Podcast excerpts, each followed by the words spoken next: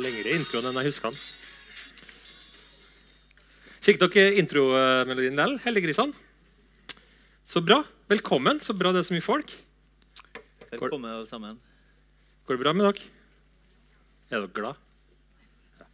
Har dere tissa? Ja. Greit. Men da kan vi gå i gang. Så bra. Velkommen til Når ulven kommer. Eh, Det er noe Vi ser eh, noen ansikter vi har sett før. Er det mange som aldri har vært på Når ulven kommer før? Oi, oi, oi. Det var Det var flere enn jeg egentlig hadde håpa. Da kommer vi ikke tilbake. Nei. Jo da. Um, det, da forklarer vi litt eh, konseptet. da. Eh, husk, det her blir tatt opp. Det er en, eh, en podkast som heter 'Når ulven kommer'. Uh, så alt som blir sagt og gjort, eh, blir med på tape. Og Vi skal også stille spørsmål, så vi håper dere svarer på. Og noen kommer med spørsmål, bare rekk opp hånda og sier hei, hei. Hans Andreas eller Svein og kommer med spørsmål, og det vil vi gjerne ha. Men igjen, husk at det her blir teipa. Ja, for nå, nå får vi spørsmål. Det er greit. Eh, grunnen til at, eh, grunnen til at eh, vi to sitter her, i hvert fall, er fordi at vi har en fiks idé. Om at Det begynte med at, eh, med at Svein var på en annen uh, podkast som jeg holdt på med. Og da snakka vi om pedofili faktisk, en gang for lenge siden. og så sier Svein at det her var artig. Det her må vi gjøre mer av. Så da starta vi med 'Når ulven kommer', hvor ulven hver gang er en ny form for psykisk vanske eller en utfordring. For vi har en tanke om at eh, det er veldig mye som altså Alle skal ikke springe til psykologen. Vi tenker at det er veldig mye som vi kan snakke om, hvor man kan få de verktøyene man trenger sjøl til å håndtere forskjellige vansker. Mm. Og vi har hatt masse forskjellige temaer. Mm. Vi har snakka om angst, depresjon. Vi har snakka om seksuelle vansker. Ja. Rusavhengighet. Og vold og Vold. voldtekt og seriedrap. Ja. Og det er ofte slik fordi jeg på en måte jobber med mørk psykologi. Og rettspsykiatri og fæle ting. Han får det til å høres ut som Harry Potter-greier. vet du. Det er så, så bra. Mens du, Ja, hva jobber du med egentlig? jeg, Ikke så seriøse ting, selvsagt, men du Nei, jobber derfor det her er liksom, vi, vi kan ikke ha et show uten å krangle på det her litt sånn først. da. Eh, Jeg heter Hans Andreas Knutsen. Jeg jobber som eh, kommunepsykolog eh, og er spesialist i klinisk samfunnspsykologi. Så jeg, i motsetning til Svein, jeg skal jo redde alle, og da har du ikke tida til å gjøre det én og én. Da, må vi- da må vi ta liksom grupper i gangen. da. Ja.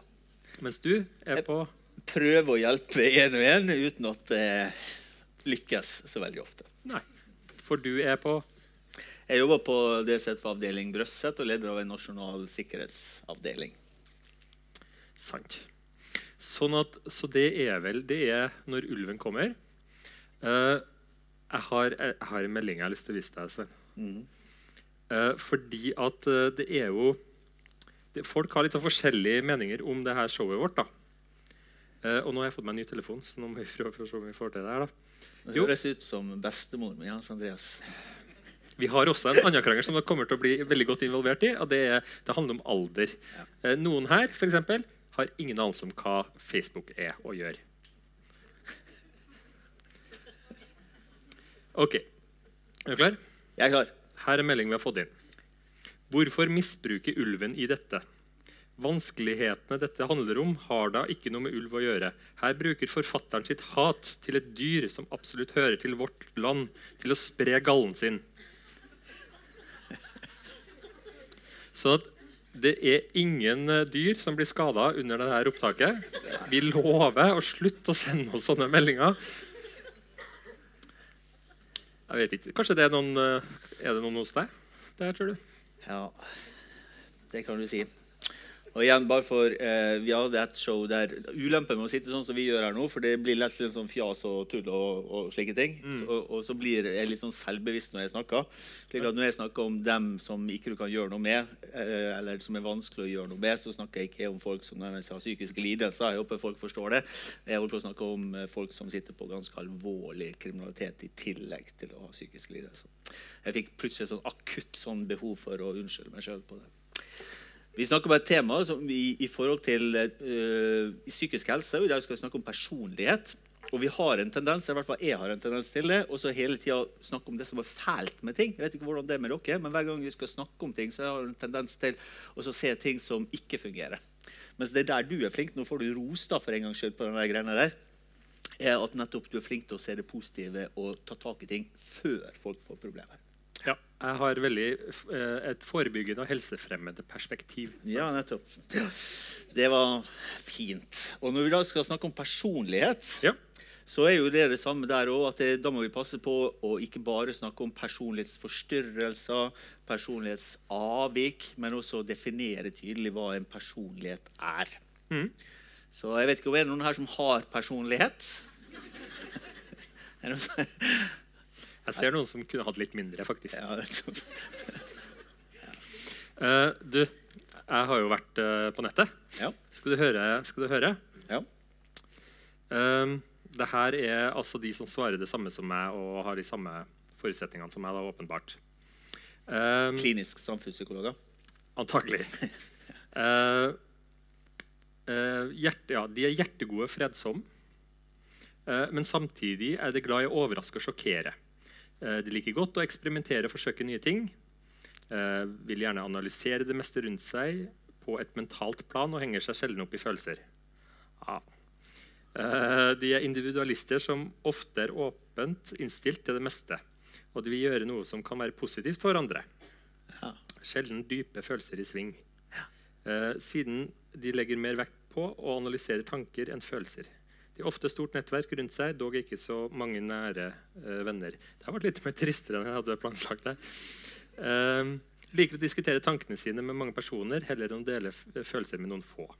Som foreldre eh, er vi tolerante og godt likt av barna.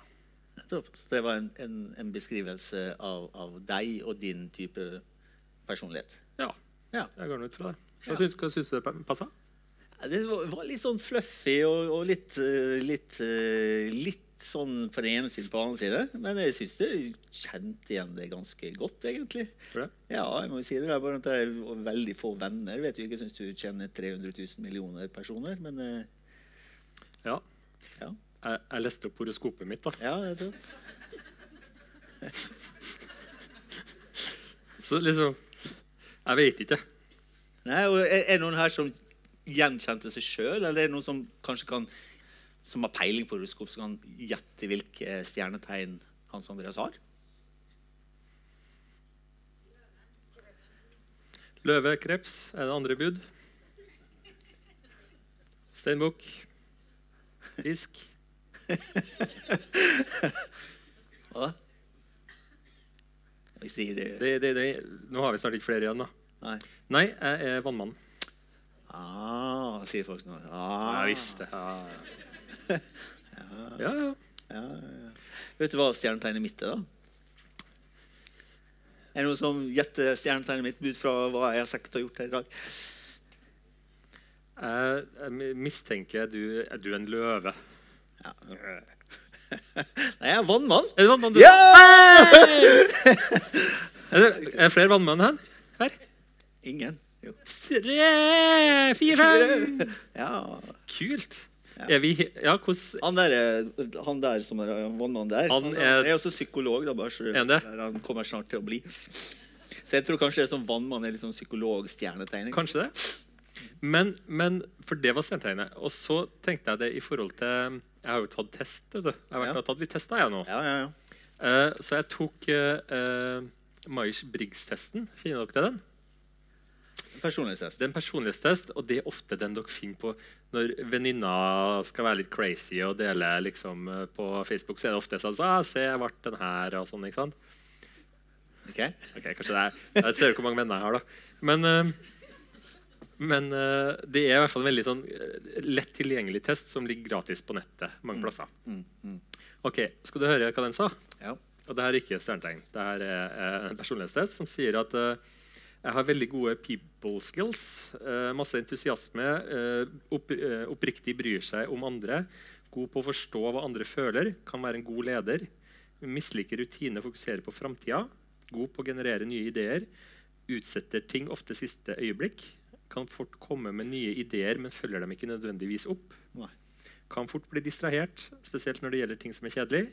Fleksibel og spontan og er god på endring. Misliker rutiner og har problemer med ting som blir uorganisert. Ja.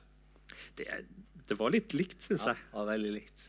Og det er jo det som på en måte personlighetstester og blir kritisert for. At det bare er en slags moderne horoskop. Eller for vi, vi mennesker har jo alltid klassifisert folk. Det er jo en person som sa det veldig enkelt, at det finnes eh, to typer mennesker. De som eh, deler folk inn i to typer mennesker, og de som ikke gjør det. Ja, ja. ja. Det nærmeste vi kommer, Brainfuck. Ok, ja. det nærmeste vi kommer uh, til en vits fra meg. Ja, sånn, ja. Da. Eh, Dette må jeg, faen, meg skrive det. Eh,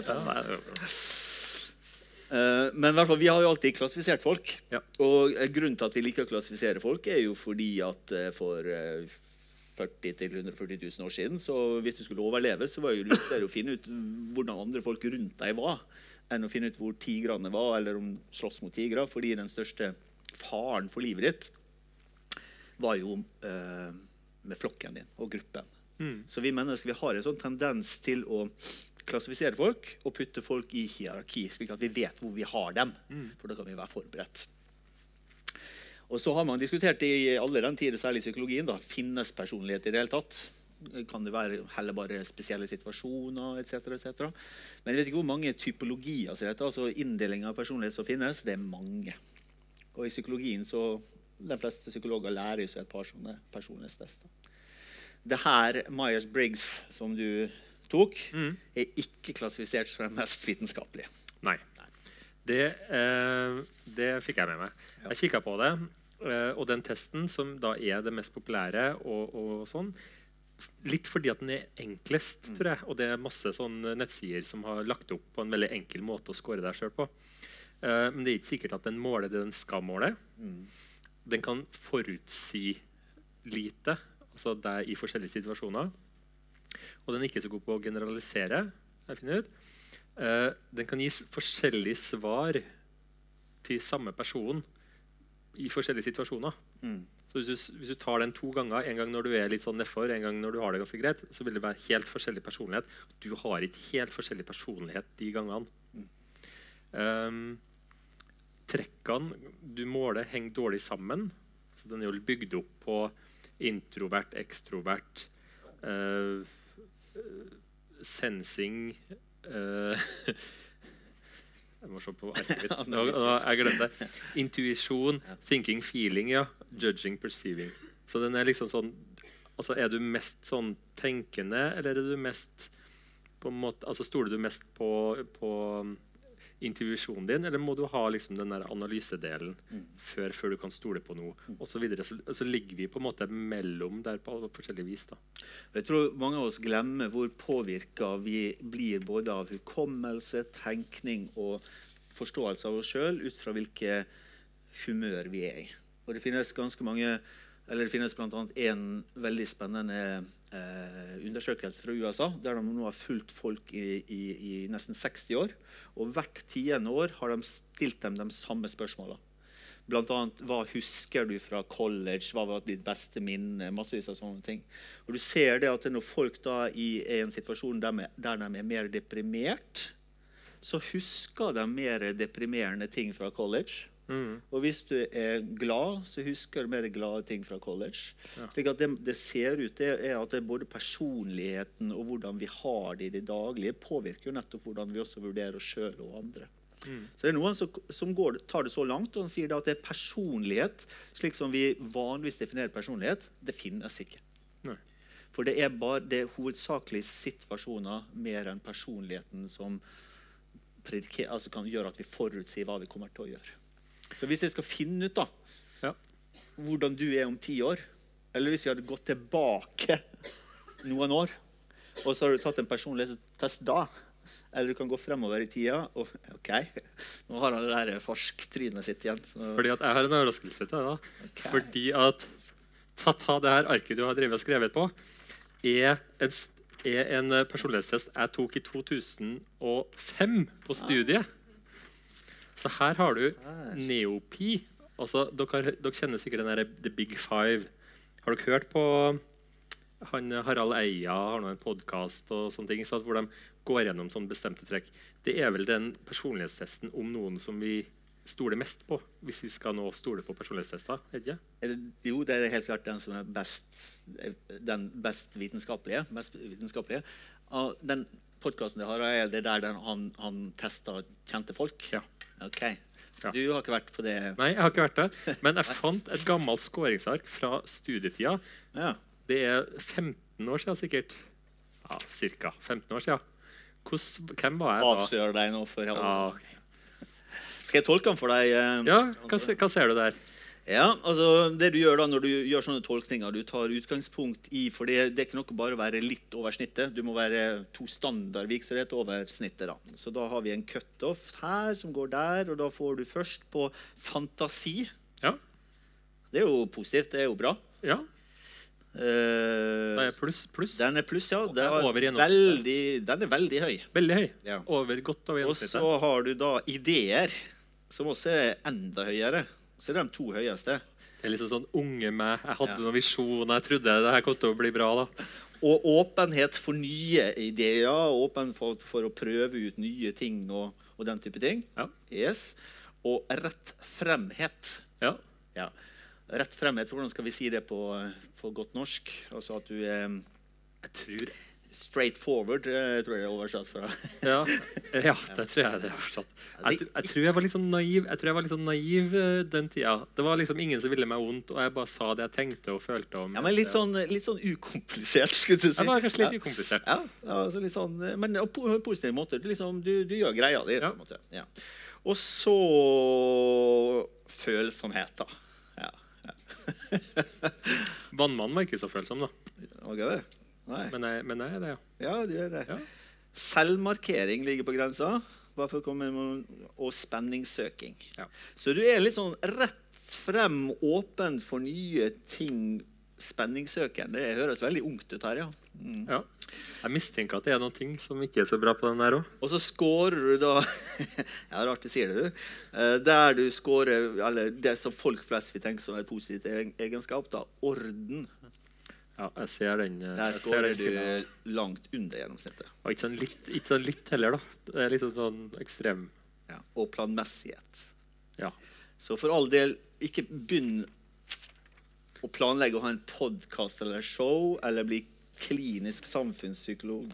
Det skal ikke Jo, men det er jo klinisk samfunns... Det passer jo veldig bra inn i en sånn nye ideer, tenke nytt, sosial setting Noe- Ja, ja, ja. i dag. Utvikle nye ideer og Ja. helsefremmende. Ja, ja.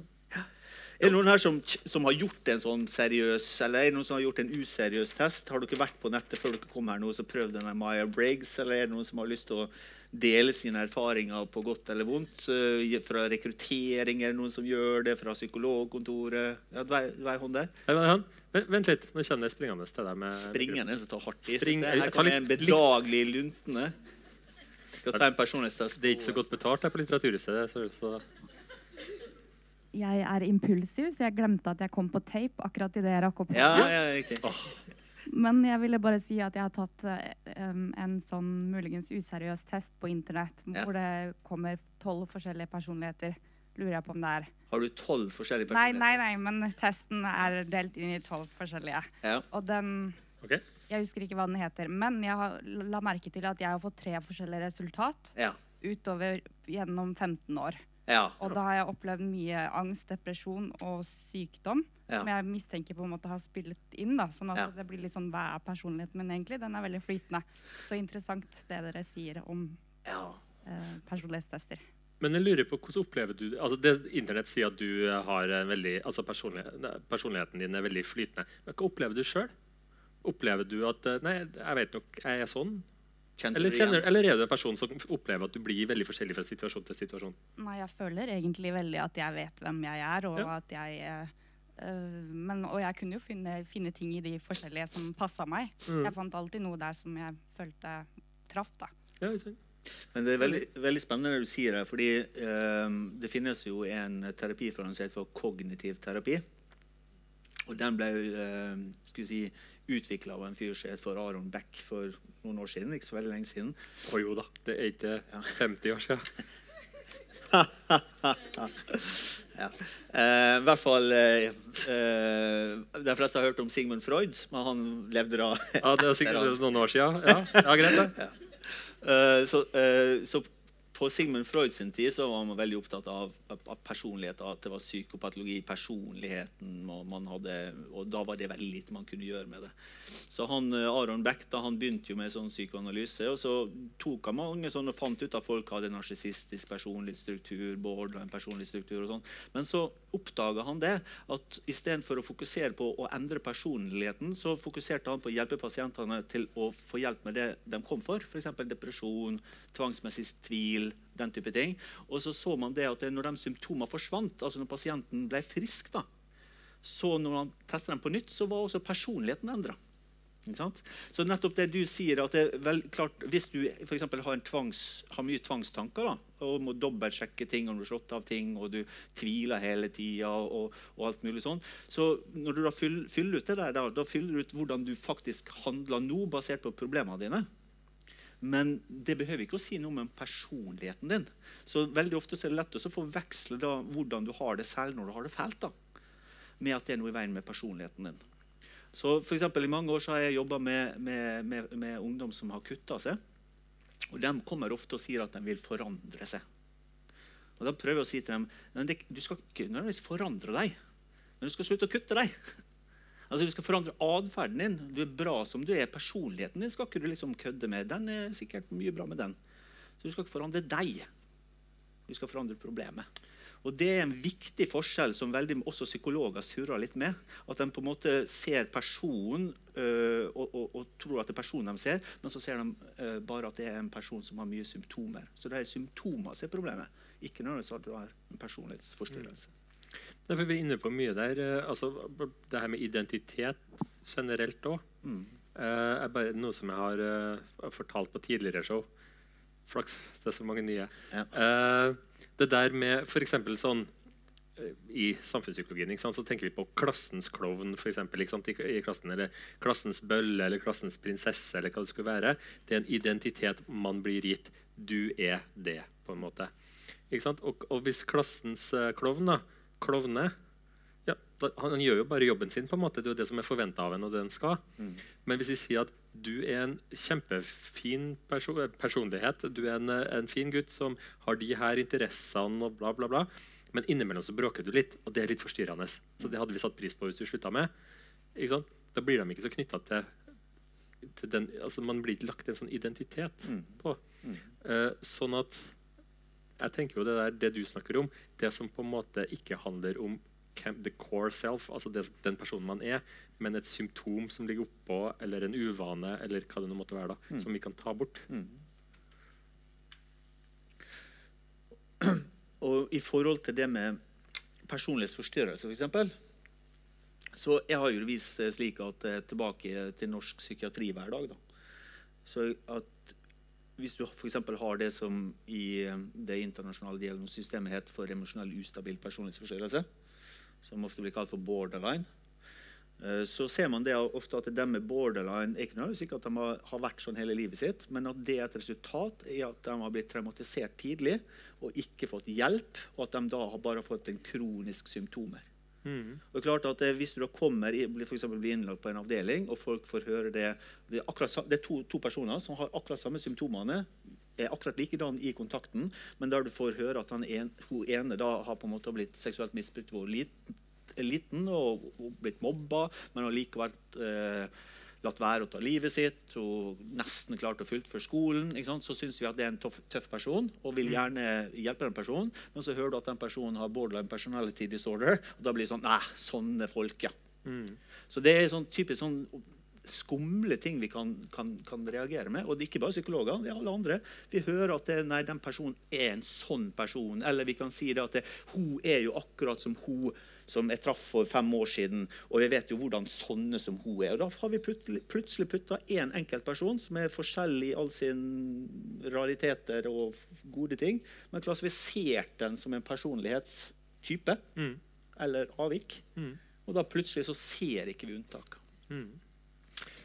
Um, sitt litt på telefonen her, og det er en god grunn til det. Det vi har gjort før, som vi syns er veldig artig, er jo det at det er ikke alle som, synes, det er, ikke alle som er så impulsive at de tør å snakke, eh, men har spørsmål likevel. Det dere kan gjøre når som helst, er å sende en melding til Facebook-sida vår om noe som dere lurer på. Så har jeg telefonen her, så kan jeg ta opp de spørsmålene som dere sender inn fortløpende. Skjønte dere den? Et lite aber her. Ikke send det til Litteraturhuset sine sider. Send det til Når ulven kommer sine, sin Facebook-side. For det som skjedde, vi hadde jo vi hadde vanskelig kjærlighet eh, på et show. Og det var så mange som fortalte sånn hjerteskjærende kjærlighetshistorie til stakkars Ola som satt innpå her. Han ble så lei seg, lurte og skjønte ikke hva som skjedde. da. Sånn at, uh, så det er bare å nevne. Så det kan dere gjøre. Uh, og de, um, og de spørsmålene For vi får ikke til å svare ut alt. Så det vi ikke får svart ut, det kan vi ta opp i en annen podkast vi har. En sånn liten minipodkast som heter 'Når ulven svarer'.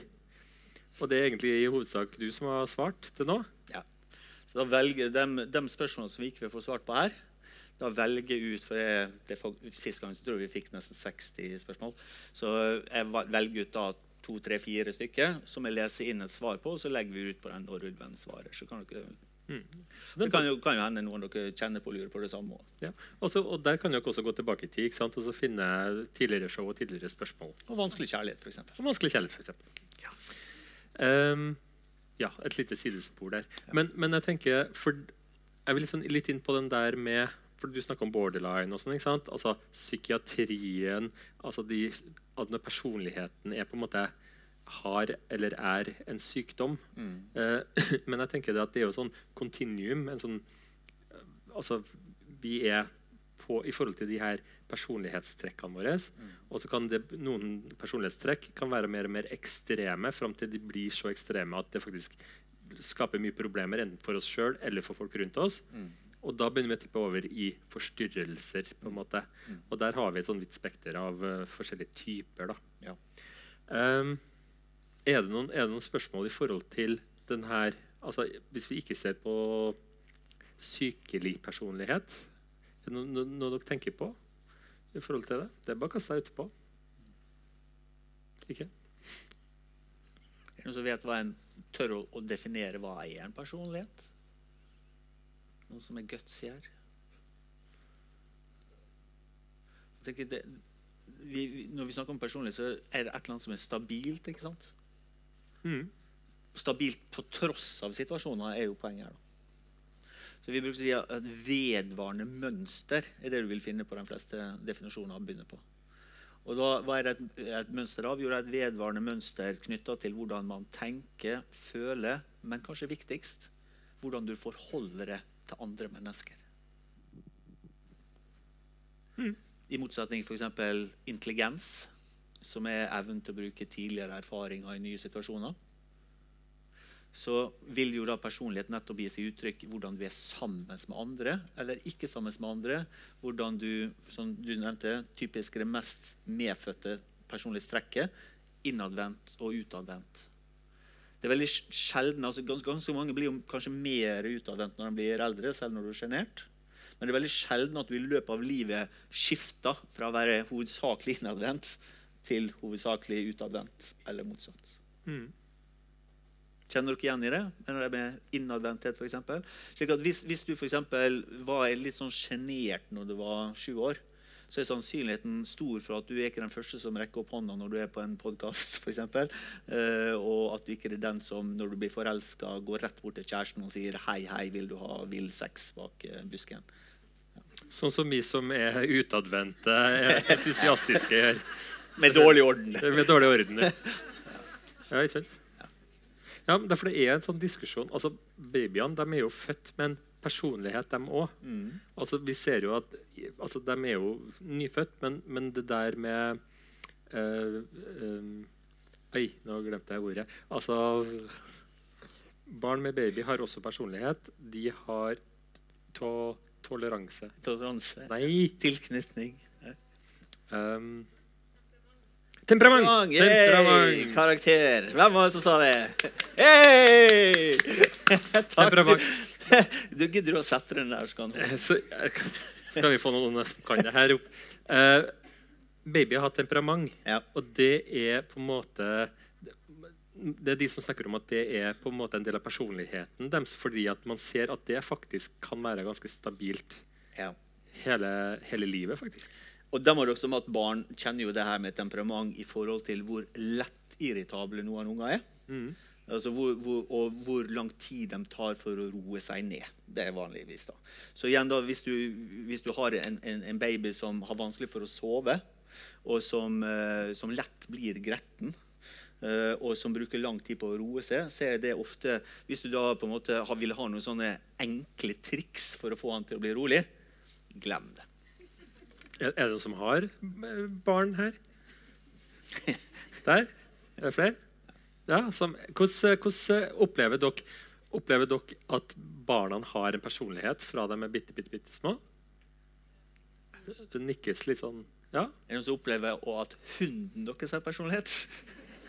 for da burde dere få en baby. Jo, men poenget mitt var bare det at det starter tidlig. Ja.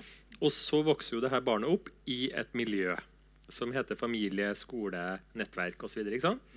Eh, og så vil jeg tro at barnet da blir veldig forma. Hvis det her er et barn som eh, blir dårlig behandla, eh, dytta ned, ikke? Eh, ikke hørt, Ja. Så, da vil jeg jo tro at, at type sånn introverte eh, trekk begynner kanskje å manifestere seg. da. Ja, Eller blir forsterka hvis du har det fra før.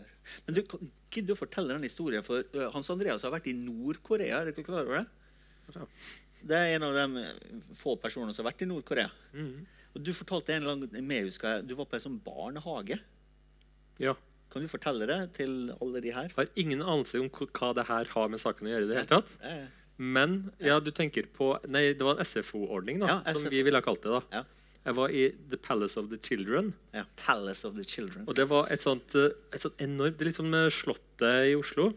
Kjempesvært eh, bygning. Og så går du, og det er sånne enorme statuer. da. Og det er så rart, for det var sånn statue av en liten kanin, og det var liksom sånn barnslige statuer i sånn svulstige greier. da. Ja. Eh, kommer inn der, og det var kjempe Og det var farger, og det, var, det så ut som et paradis for et barn. Ja. Og det, i det bygget så var det 5000 5000. 5000 barn da, i det i der. Og her kommer spørsmålet. Det må jo vært et sinnssvakt leven! Det var stilt. Helt stilt. Jeg husker det, og så gikk vi og så hvert sånn rom da, Det var sånn forskjellige typer rom nedover gangen vi var i. Og når, idet du åpna døra, så var det på en måte, det var ett rom hvor de dansa, så var det ett rom hvor de spilte et eller annet sånn uh, instrument jeg ikke kjenner til. Og så var det noen som hadde sånn broderigreier. da. Men det var litt så, det var så ekkelt. For du åpna døra, og du så det at idet du åpna den, så starta de å danse idet du åpna døra. Så det var akkurat som et sånt show da, de holdt for oss. Det var ikke, de var ikke, eh, og det var trist egentlig å se på de her veldig påtatte smilene da, til dem som dansa. Men du kan tenke deg, Hvis du er vokst opp under sånne former, Ja. så vil jo det prege deg. Ja. Det er ikke sikkert at alle de her var innadvendte ordensmennesker. på? Det er jo fordi de har blitt forma. Mm. Så det det som er så fantastisk med personligheten.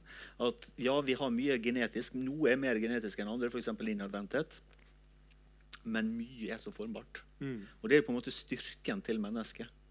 Men det er mye lettere å forme et barn negativt enn positivt, faktisk. Og vi, vi, vi snakker om det med ekvifinalitet og multifinalitet i psykologien. da.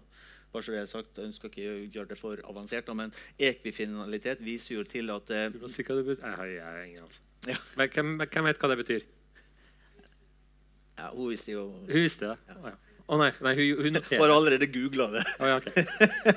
nei, Eh, men, men det viser til at det, vi noen ganger ser det slik at for å bruke et annet ord, overdeterminert. At noen, noen barn eh, på en måte eh, Det er så mye fælt i livet deres.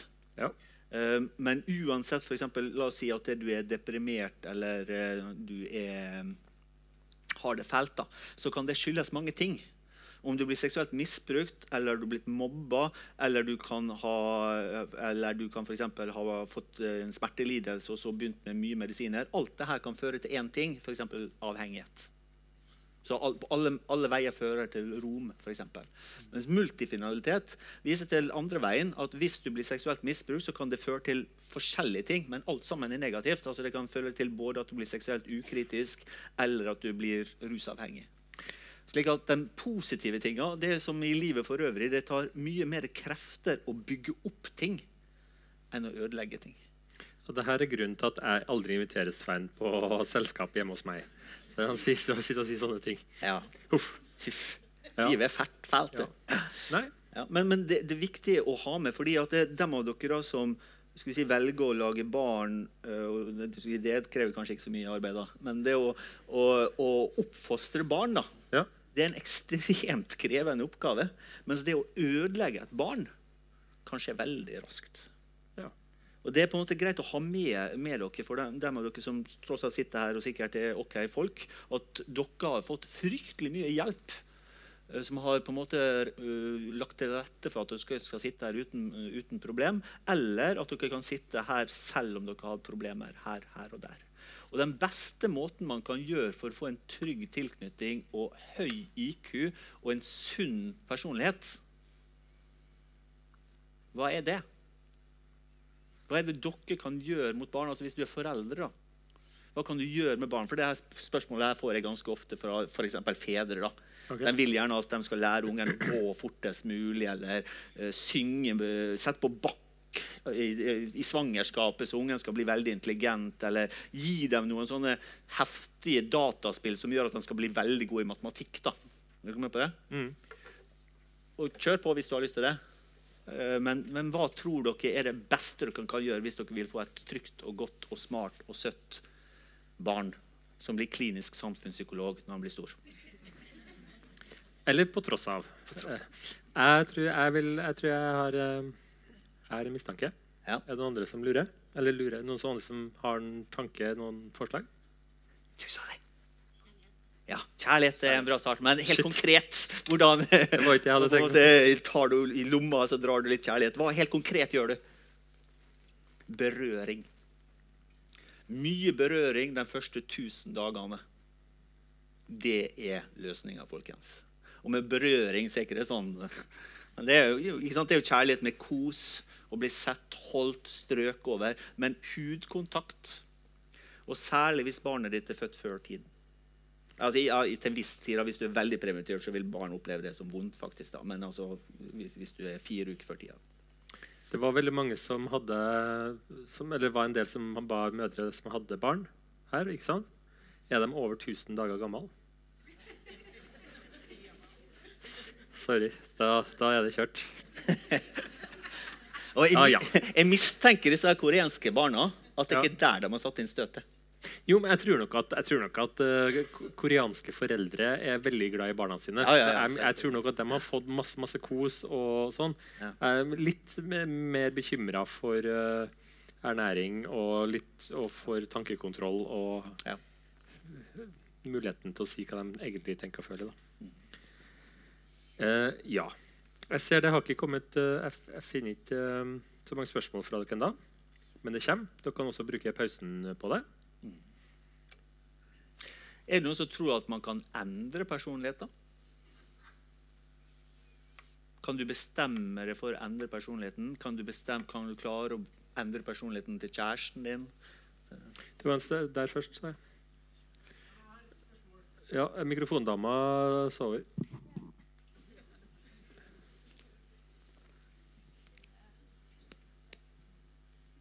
Supert. Ja, eh, jeg bare lurte på Med det du sa i stad om at eh, du jobba med barn som uh, kutta seg og. Ja, Ja. og da sa han, nevnte han at eh, det var atferden og ikke selveste hele personligheten. Mm. Og da lurer jeg på hvor mye er det en atferd kan forandre personligheten? Si hvis noen har depresjon, hvor mye kan den ene depresjonen forandre på personligheten i sin helhet? Eh, Takk, det var et godt, godt spørsmål. Uh, Takk. i, i forhold til uh, depresjon så er det litt spesielt. Fordi depresjon er en psykisk lidelse. ikke sant? Og det du ser fra nyere forskning, er hver gang hvis du har sånne alvorlige depressive episoder, der du rett og slett får lyst til å ta livet ditt, der du går veldig lenge og, og, og er veldig irritabel, og den type ting, så vil du faktisk Eh, du vil nesten kunne se at du nesten får, får noen nærmest arrdannelse også strukturelt i hjernen. Altså, ikke nødvendigvis sånn fysisk i hjernevevet, men, men, men på et dypere, dypere, nivå. Slik at depresjon er litt spesielt fordi det på en måte, Jo flere ganger du har hatt depressive episoder, jo lengre du har vært uten å ha fått behandling, det, det, det kan faktisk forandre måten du tenker på. Men ikke nødvendigvis personligheten. bare så det er sagt, men at du, uh, du kan godt si personligheten hvis du med, det mener at du for hver eneste gang lettere vil tolke ting negativt. altså nøytrale ting negativt. Men uh, i forhold til kutting så vil ikke du endre personligheten, men du vil ofte få en sånn opplevelse av at uansett hva du gjør, så, så hjelper ikke det. Og så Folk som går rundt det, selv de som er, er glad i det, de vil bli redde og unngå deg. Så du lett får en sånn identitet og det vi kaller for lært, uh, lært hjelpeløshet. At du rett og slett bare tenker sånn Fuck it, det her går ikke. Og så vil man ofte da kompensere det nesten med å skremme folk, fordi man føler seg bedre når man skremmer folk, enn at folk syns du er ekkel. Så du kommer inn i en sånn veldig ekkel problematikk. Så hvis ikke du får hjelp på, på atferdsendringer, så kan du på en måte kan på en måte problemene dine sette seg ordentlig. da. Jeg vil ikke si nødvendigvis at det forandrer personligheten din. fordi når du da får hjelp og du kommer ut av den eh, spiralen, så kommer du tilbake til den du egentlig er. Men det er ikke så lett å se det når du står oppi det, fordi da ser du bare den atferden. Så, så det, det, litt, eh, det, kommer an på hva du definerer med personlighet. da, si sånn. Men stort sett alt som er gærent her i verden, jo lenger du holder på med det, jo mer håpløs blir du, og jo andre folk blir redd av det, så kommer det inn i sånne onde sirkler. I verste tilfelle så kan det ende ganske fælt. Men jeg har jo sett fryktelig mange folk som jeg tenkte herregud, dette her går aldri bra. Og så går det kjempebra. Så det, det her er, det er en av de tingene, da, apropos positiv eller optimistisk. Altså, du skal jo aldri gi opp den biten der. da. Men det er jo lett for meg. da. Det er verre for dem som holder på å kutte seg, og dem som er glad i den som kutter seg. Det er mye vanskeligere for dem å ta det perspektivet som jeg tar nå. Men jeg vil si, det er ikke personligheten i seg sjøl som endres. Mm. Forsto du noe av det? Det er ikke så lett å forklare, men ja, det, det, det, og, og, Husk det samme personlighet. Det er også et vedvarende mønster i forhold til hvordan du forholder deg til andre. Men klart, hvordan du forholder deg til andre, vil jo påvirke hvordan andre forholder seg til deg tilbake. Hvis du bare går ut og syter og klager, så er det klart at det er ikke så mange som kommer til å prøve å få deg til å le etter en stund. Så det er på en måte ganske naturlig eh, med, med det med personlighet at, at du, du du, du, påvirker andre, som igjen fører til at, at, du kan bli at folk unngår det i verste tilfelle. rett Og slett. Og da, da, da får jo ikke du noen muligheten til å vise de gode sidene dine heller. Det var et, var det et spørsmål her, som du sa. Mm -hmm. uh, jeg vet ikke hvor det var. Det var du.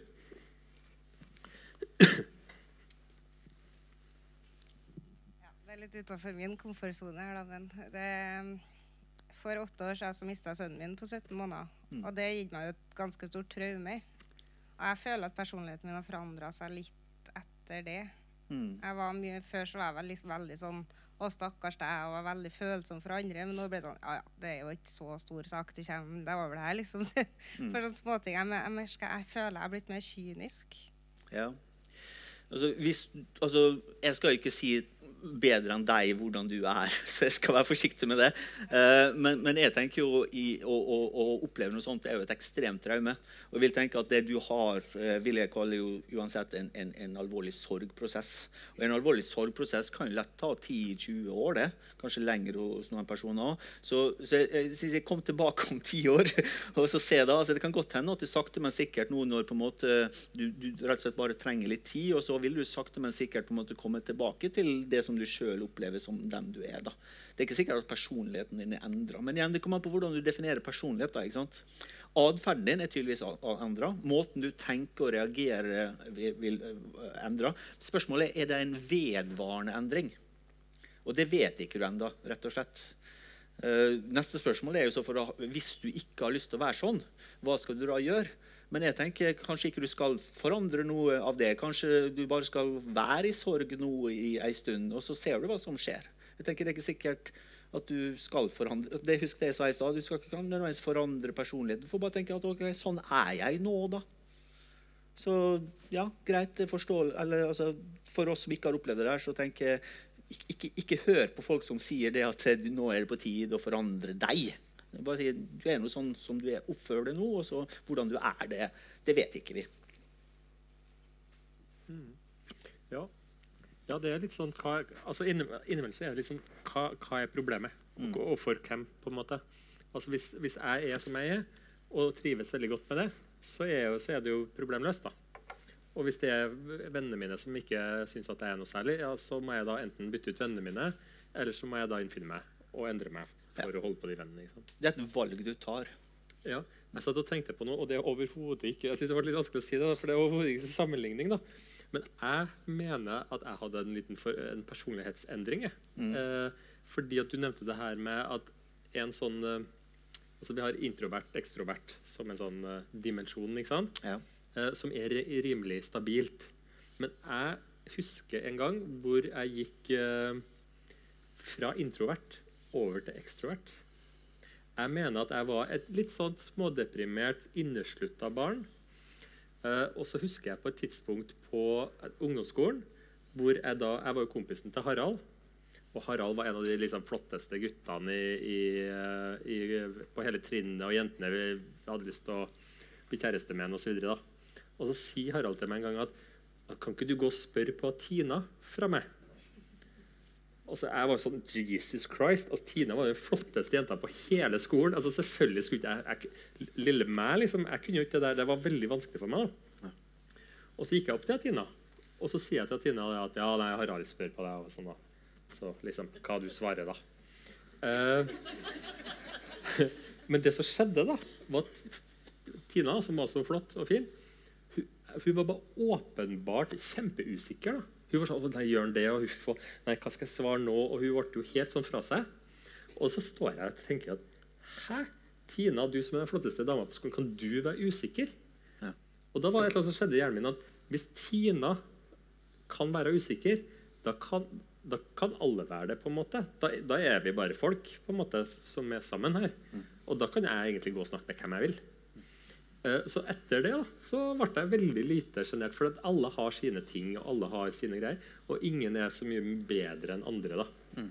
Så da kunne jeg finne på å gå opp til ja, hvem du skulle være, da. Ja. og så snakke med. Ja. Fordi at den der skammen, sjenertheten, lille meg-følelsen forsvant på et eller annet vis. da. Ja. Og jeg tror at jeg har holdt i den sida. Ja. Det, og det høres fornuftig ut. Og, og jeg tror kanskje det der jo, viser jo at du er en veldig reflektert person, spør meg, og intelligent i tillegg. Ja, eh, jeg vet jo ikke det, da. kan jo. Og litt beskjeden. Og litt beskjeden ja. uh, men jeg tror nok veldig mange opplever det heller sånn som, sånn som hun opplevde. At du opplever noe negativt. Mm. Og så gjennom den negative hendelsen at du da begynner å reflektere ting. Hva er egentlig viktig? Og kanskje da i en sånn ting finne ut at det, nei, da er det, kanskje jeg har vært for hemma, øh, hemma meg sjøl for mye, og at det skal være litt mer gutsy. Det er ganske mange som forteller sånne ting når de har opplevd f.eks. Uh, alvorlig uh, livsfarlig sykdom eller lignende ting. At de da får en erkjennelse av at vet du hva, uh, fuck it, som jeg sa i stad. Altså, liksom nå, nå, nå, nå, gjør det. Noen opplever jo det også når de blir eldre. Eh, altså at man ser da at man har faktisk begrensa med antall år igjen. Og at man da i den tida der faktisk eh, bestemmer seg for å gå for ting. Og faktisk blir litt tøffere. Og, og kanskje også litt mer egoistisk i positiv betydning. At man tenker sånn at det var Petter og Pål tenker om det jeg nå har tenkt å gjøre, det driter i. Mens man er veldig mer opptatt av det før. Mm. Så, men veldig mange folk vil ikke endre seg hvis de ikke må. Nei. Det er liksom take home messagen her. Da. Men du kan endre det hvis du bestemmer deg for det. Mm. Eh, det kan, igjen, er noen som har gjort det her, og som, som har endra seg. Altså bestemt stått opp en tirsdag morgen klokka halv åtte og tenkte nei, jeg skal forandre personligheten min. Det er ikke veldig ofte folk gjør det. Eh, men, men det er en del folk som, ikke, som rett og slett tar et oppgjør med, med, med seg sjøl. Jo, men det er jo i store og små livskriser, vil jeg tro. da.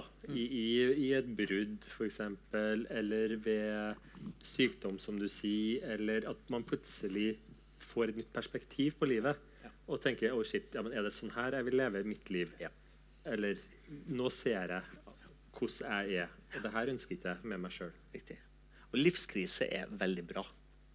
I utgangspunktet så er det å ha en krise er bra, så lenge ikke du tar helt av og selger hus og drar på, på jordomseiling og, og på en måte tar skal vi si, ta helt av. Men når du har en krise og, og, og begynner med å forandre små ting, som da vil bli til store ting etter hvert, det er det vanligvis bare en god krise som kan få deg å gjøre. Så jeg vil anbefale dere alle sammen gå hjem i kveld, få en krise. Ja. Eh, det, det er virkelig det er en, en måte man kan bedre livet sitt på. Eh, supert. Vi har nå snitt og snakka litt nå. Jeg lurer på om vi skal ta oss en, eh, en liten eh, pause. Er det greit, det? Vi tar oss en pause på ti minutter. Og så er det lov med de spørsmål, som sagt. Ja. Skriv inn spørsmål. Har dere noen spørsmål til oss, så kan jeg, sitter vi og, og får dem inn fortløpende. Så kan vi svare dem ut. og folk kan komme bort til oss i pausen også, og så tiske og hviske, og så skal ikke vi svare høyt heller. bare så det er sagt. Greit. Hvordan går det med oss? Har vi det bra? Så bra. Jeg, jeg liker at vi gjør det litt sånn sammen. Nå må jeg skynde meg å snakke før han får på seg mikrofonen. Eh, samfunnspsykologen altså Jeg tenker jo det at dette skal jo være et produkt av noe vi lager sammen. Så jeg syns det er superbra at folk snakker og spør. og, og sånne ting. da. Jeg ser også at jeg har fått noen spørsmål på, på Facebook som vi kan ta underveis. ettersom det passer seg. Ja. Flott. Klar for uh, runde to? Yes. Hvor vil du begynne, Sven? Eh, kan vi følge opp fra pausen om det var noen som har bestemt seg for og klart eller ikke klart å endre personlighet til seg sjøl eller andre? Altså Om den er eh, foranderbar? Ja, om det er noen som har med vilje Ja, sånn forandra, Ja. forandra seg. Eller kjæresten. For det der med par er ganske artig. altså sånn i forhold til... Ja, jeg, jeg, kommer til, jeg, fikk et morsomt spørsmål på det. Ja. som jeg har lyst til å begynne med. Men eh, bare sånn, er det noen her som har forandra noen i det siste? Vellykka? Nei. Er det noen som har prøvd, da? Ja, det er litt flere som har prøvd. Ja. Ja. Ja. ja. Det er noen som tviler til venstre for meg her. eh, Som har lyst til å si noe? Nei? OK. Nei, jeg fikk det apropos det med kjemi. Ja. Fordi eh, når du definerer, eller når vi, når eh, smarte folk definerer personlighet, så, så er jo det der med også ev, eh, hvordan vi er i forhold til andre. Og da er vi tilbake til denne eh, kjærligheten igjen. Men ikke bare kjærlighet sånn romantisk, seksuell kjærlighet, eh, eh, men også vennskap. Og, og vi, det, det kjenner jo veldig mye vi som er psykologer som har pasienter. Eh, eh, at det er noe med kjemi, kaller vi det ofte. Så kjemi er liksom når to mennesker går sammen, og så er det god kjemi. Mm. Og da Er spørsmålet liksom sånn, er det noen personlighetstyper som passer bedre sammen enn andre. Og Det er jo det store spørsmålet rundt uh, kjærlighet. da. Og nå fikk jeg høre det at det finnes et TV-program som handler om noen psykologer som tester folk. og så, Ja. ja. Du har sett det sikkert? Jeg har sett det. Ja. Han er så gammel at han har ikke TV. Nei. Uh, og nå har jeg ikke sett det programmet, nei. Jeg, Eh, jo, men jeg, jeg vet hva du hva det er snakk Ja. om. Jeg har sett det. Og det jeg vil si, har absolutt ingen tro på at det går an. Det har folk prøvd i tusenvis ja. Ja. Hans Andreas, vil du si noe? Ja. Ja. Nei, det er helt sant. Ja. Det går helt til skogs. Ja. Eh, gift ved første kjærlighet. Jeg har ikke se, eh, gift ved første blikk. Dere, er det flere som har sett den? Ja. En TV Norge, tror jeg. eller noe sånt. Nei, Det går helt til skogs veldig veldig ofte. Jeg har nå sett en eller en og en halv sesong, eller noe sånt, og det har gått en stund. Ja. Bare Det, det er Det hender det går, da, men det tror jeg er mer flaks. Ja. Uh, og det er det som på en måte forskninga viser. ikke sant? Uh, og jeg, jeg hadde jo en gang en um, sommerjobb for den eh, europeiske romfartsorganisasjonen, ESA. Ja, Og Der har jo man et prosjekt der man ja det har. Ja, Fortell mer om det. Der var, jeg tok meg en tur til Mars. Nei, okay. Eh, der jeg var med å kode atferd. fordi når vi sender folk til Mars, da, så tar det ca. to år. Ja. Og da er det om å gjøre at de folka går godt sammen. Ja. ja. Du kan ikke bare si 'Nei, jeg gidder ikke det her', og så gå ut døra og forlate åstedet. Det går ikke. Og, så du vil ikke at folk skal krangle, du vil ikke at folk skal drepe hverandre. Eh, skal vi ha to menn og to kvinner? Skal vi ha én kvinne og tre menn? Skal vi bare menn? Skal vi bare kvinner? Ja, Jeg veit hva jeg hadde valgt, men OK. ja. Eh, men uh, man har forska mye på det her. Ja. Finner ikke ut noen ting. Nei. Så det er Men OK, forslag?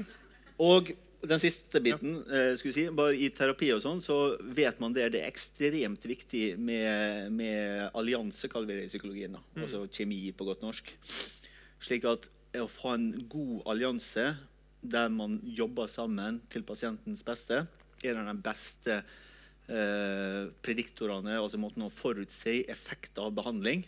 Mer enn hva psykologen er utdannet som, nesten. Mm. Altså i, om det er kognitiv terapi eller ja. Så det der med kjemi, hadde man funnet ut av det, så hadde man fått nobelprisen. Jo, men, og jeg, jeg kjenner meg igjen òg. Jeg har jo hatt en del pasienter opp igjennom, og jeg har jo også kjent kjemi. Altså, men, altså At vi, har, vi er på lag, vi har et felles mål. Eh, vi klarer å engasjere hverandre, på en måte. Ja. Og så har det vært ganger hvor det er litt sånn at det krasjer Altså, vi, vi passer liksom ikke sammen. Vi kommuniserer, vi forstår ikke helt hverandre. Men hva forslag da? Hva hvis kjemi faktisk er kjemi? da? Altså, Vi fant ut på 80-tallet det her med feromoner, at vi utsondrer noe, Ja. og noe lukter og noe greier, Ja. som vi ubevisst plukker opp. Og det, og det er et godt spor, øh, fordi man har jo i disse internettider Og jeg må si at jeg er en stor forkjemper for e-terapi. Jeg synes det er altfor mange folk som har problemer med altfor få psykologer. Så jeg vil gjerne ha flest mulig psykologer online, slik at du kan bestille dem der. Og slippe å reise i tre og en halv time. Men forskning er veldig tydelig på det at digital kommunikasjon kan aldri erstatte fysisk kommunikasjon fullt ut. Ja. Nettopp pga. feromoner. Oh, ja. Og i, øh, landsbyer der det er veldig mye sosial kontakt, så, så øh, ser man også at folk er, blir raskere friske når de er syke, f.eks. for, kreft. Altså gitt dem for kreftbehandling. Da. Slik at det med at det skjer kjemiske reaksjoner For det skjer jo ikke over nettet. I hvert fall ikke ennå. så det vi har helt sikkert en betydning. Men det er så små, disse feromonene. Folk er ikke engang enige om hva et feromon er. Eh, Det, det er små molekyler. Nei, og så er det altså helfigur og kroppsspråk, og at du beveger deg med noe mikro... Ja, men det får du over en skjerm òg. Ja, OK. Ja. Ja, ja.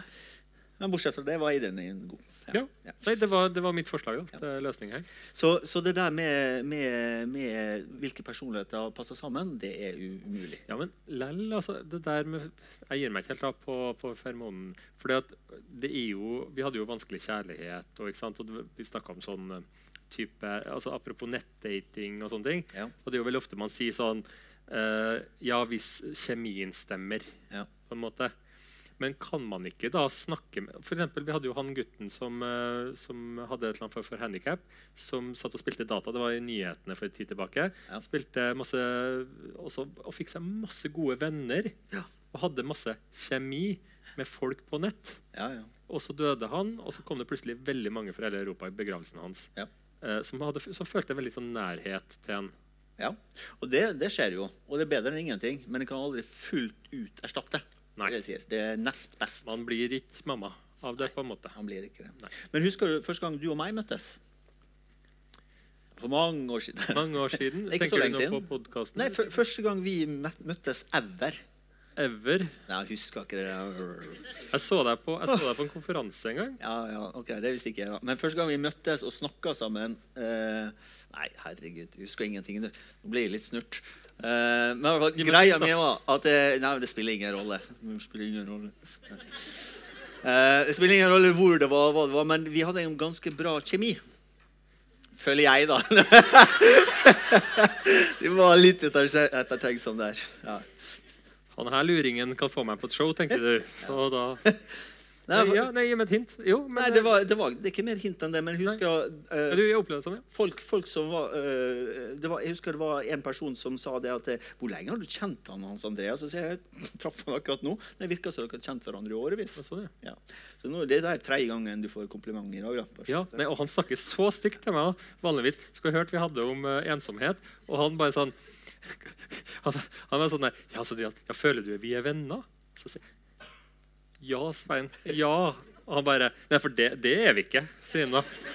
Nei, ja. Og det, det mener jeg ikke fremdeles. Men, Ja, vi er kollegaer, da. Så. ja, men vi, vi, vi kommuniserer bra sammen. Vi har Ja. god kjemi. Er Og, et, tror ikke, og nå har vi jo begge funnet ut at vi begge er vannmenn, Ja. så kanskje det er årsaken. Det er det. Men i hvert fall det der, eh, i forhold til det spørsmålet som jeg fikk, da, så, så er svaret nei. Nei, det Du må, og kanskje det som er fordelen med nettdating, noe som jeg heller aldri har prøvd. Men er, sånn som jeg har forstått det, så går jo gjennom 3000 personer. og det er klart at Hvis jeg skulle gått rundt og spurt 3000 personer i real life, så hadde det vært ganske blitt mange skritt, for å si det sånn. Nei, Eh, det kan du ikke si, Svein. Det er ikke lov. Det, det, det ble feil. det var feil. Men, eh, men eh, Jo, jo, men, Mange men, steg. men hadde, du, hadde du møtt 3000 personer, så sjansen for at du hadde møtt noen som du hadde matcha med, hadde jo vært stor. Da. Eh, jeg sier, da går det lettere på nettdating. da. Ja, ikke sant. Men så, men så sitter jeg også og tenker på en sånn apropos kjemi, fordi at det er jo de parene som møtes, og så opplever de stor kjemi, men personligheten deres er jo veldig forskjellig. Ja? Noe som gjør at det kanskje ikke funker på sikt, og så blir det brutt. Et eller annet sånt der, ikke sant? Men det vet vi ingenting om. Det er det, det, det som er poenget mitt. Det finnes absolutt ingenting forskning som sier om noen ting er bedre enn ingenting når det gjelder personlighetsmiksing. Nei, Det er bare bare synsing og at hva vi tenker at en er like tenker best, eller man skal være veldig ulik. Det, absolutt, det finnes ingen systematisk forskning som tyder på noen ting. Nei. Så enkelt er det. Så med andre ord, eneste måten dere har å finne en god venn eller en god kjæreste på, møt mange folk. Det er liksom det eneste som, som finnes. Eller vær glad i det du har. Ja. Det var et spørsmål eh, med mikrofon. Se her, da. Nå er det litt fart. Supert, det. Eh, du, Apropos det i stad. Eh, jeg lurer på eh, Når man eh, f.eks. finner en person som du i utgangspunktet kanskje ikke tenker at du har en sånn veldig god kjemi med, eller at du kanskje ikke forventer det, i hvert fall, eh, vil det da kunne handle om de, erfaringene du har fra før? Ja. Jeg tenker på, for Ofte så sier man det at damer gjerne finner seg menn som ligner på sine fedre. Ja. Eh, det er jo en grunn til at man, at man ofte faller inn i et sånt felles mønster som man har vært i før. Og det mønsteret kan være bra, eller det kan være dårlig. Mm. Eh, kan det ha mye med det å gjøre? på en måte At du opplever at kjemien stemmer fordi det er noe som er kjent? Ja. At det kan være en god opplevelse? At det er litt sånn at uh, Hvis du møter din mor på en måte i en annen person, så kan det oppleves som litt sånn trygt. Og vi har det godt i lag. Eller Eller ganske scary, vil jeg si. eh, alt, eh, alt ettersom hvilken relasjon man har. Men kan det handle mye om det? Ja. Eh, nå føler vi beveger oss tilbake til den vanskelige kjærligheten. da, bare Kanskje vi har må ha en sånn Eh, ekstra en. kjør først, du, og så har jeg en liten eh, teori på det. Ja. Igjen, hvis vi baserer oss på forskning, da. Eh, så det du har forska mest på, er da kvinner Eller ikke mest på, men en del på, er kvinner som eh, eh, opplever dårlige menn, som slår dem f.eks., eller utnytter dem. Og så fjerner de seg fra den fyren der, og så finner de en ny en som akkurat gjør det samme. Reviktimisering kaller vi det. Hva er det med disse kvinnene, har folk lurt på. Eh, og det er det man, eh, man- nærmest man har funnet, er ikke at de er mer traumatisert enn andre eller har si, dårlig personlighet eller svak vilje, men at de har på en måte en eller annen tilknytningstype eller en erfaring fra, de er veldig små. Og for Det blir en lang stretch av en sammenligning her, da, men i forhold til eh, voksne som misbruker barn, så ser man ofte det å bli misbrukt sjøl, så har du faktisk økt risiko. Og nå sier jeg økt risiko, det er ikke sikkert at du nødvendigvis gjør det, men du har økt risiko uh, for å sjøl misbruke. Og det er sannsynligvis for det ligger på en måte en, en offer-overgreper-aksen der er den samme uansett hvilke ender du er på den. da.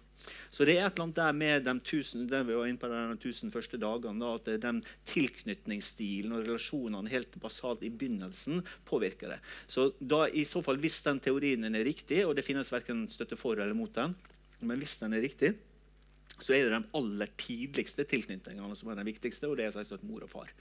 Eh, men da er ikke det hvordan du opplevde mor og far din når du var 12-13 år, men hvordan da du opplevde trygghet eller utrygghet eller støttende versus begrensende når du var kanskje tre år. da, eller to-tre år.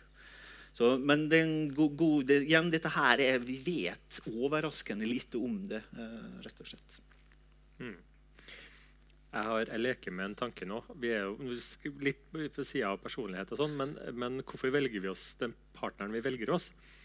Mist, altså Man sier jo at ja, men den personen den, den, har, den er så bra, og det, det er så mye egenskaper i den personen. Kan være liksom et argument for hvorfor man er så glad i vedkommende. Men jeg tror også det henger veldig sammen med hva man trenger selv. Ja. hvis man, hvis man blir veldig forelska i en person som er så omsorgsfull og så god og så fin og så flott, så kan det godt være det at det handler litt om det, det jeg trenger. Sånn at forelskelsen er betinga av hva du trenger, ikke hva den andre nødvendigvis har. Fordi at Hadde du møtt akkurat den samme personen i en annen setting på et annet tidspunkt, hvor du kanskje ikke var på en måte så sårbar og, og trengte den omsorgen, men du, du, kjente at nå var du utforskende og utadvendt, og sånn, da trengte du heller en partner som var ja. mer leken og ville gå ved sida av deg og ikke ta vare på deg. Mm. Og det der, skal jeg, vet du hva? det der skal jeg faktisk skrive bok om. Skal du? Jeg har en plan. Jeg skal, jeg skal... Ja, bestemte du det nå, eller? Nei, nei har, det har jeg tenkt på lenge. Og det jeg skal gjøre jeg skal, Fordi at jeg syns det Jeg, jeg lurer så gæli på kjærligheten. Ja. Så det jeg skal gjøre, jeg skal gå rundt til veldig mange par. Så skal jeg spørre en eller begge av dem. Fortell meg om det øyeblikket hvor du valgte den andre personen. Altså det bevisste øyeblikk. Du sier ja, jeg vil ha deg. Ja, vi, jeg ønsker å være sammen med deg. Det her er noe jeg har lyst til å satse på. Ja. Og så ber jeg dem bare beskrive det øyeblikket. Og så får jeg kanskje 50 stykker da, til å beskrive det. Så har vi 50 av fire stier med sånn kjærlighetshistorier. Ja.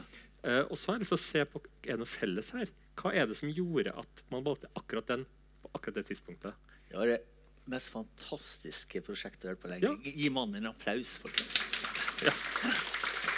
Takk, takk. Tenk, tenk, så mye kjærlighet du kommer til å spre bare med jo, men, å få folk til å huske disse tingene. her. Og Der skal være sånne, sånne sofa, hva heter sofabordbok. sånn at i verste fall, hvis det ikke det blir bare, det, vi ser ikke noen sammenheng, og sånn, så har du likevel 50 utrolig koselige, fine historier. Ja. Hva? Jeg er helt sikker på God morgen Norge og Skavlan i tillegg.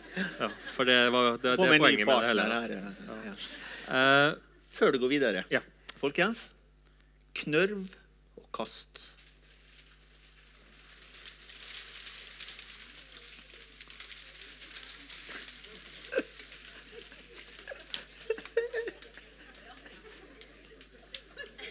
Ja. Det her var jo Hva du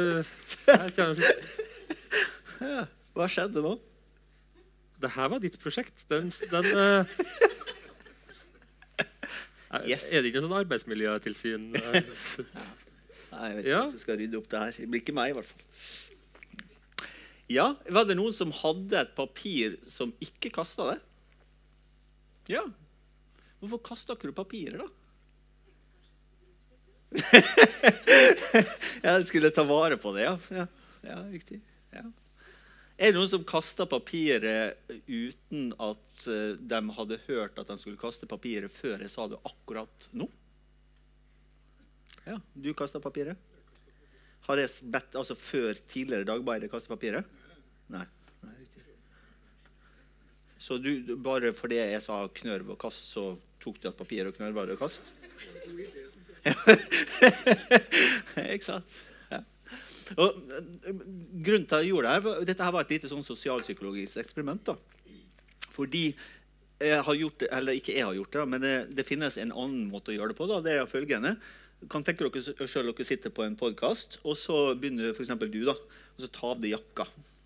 Men alle dere begynner å ta av dere jakka. eller du tar av jakka, så, du, så dere helt bak her så ser at alle her foran begynner å ta av seg jakka. Og så tar folk av seg den jakka. Selv om de ikke vet hvorfor. da, men tenker det virker jo fornuftig når alle andre gjør det. så da gjør jeg det. Og så tar folk av seg genseren. Og så, ja, så ser du det rundt, da. Og så ja, ja, kanskje ta av meg genseren, da. Og så tar folk av seg buksa.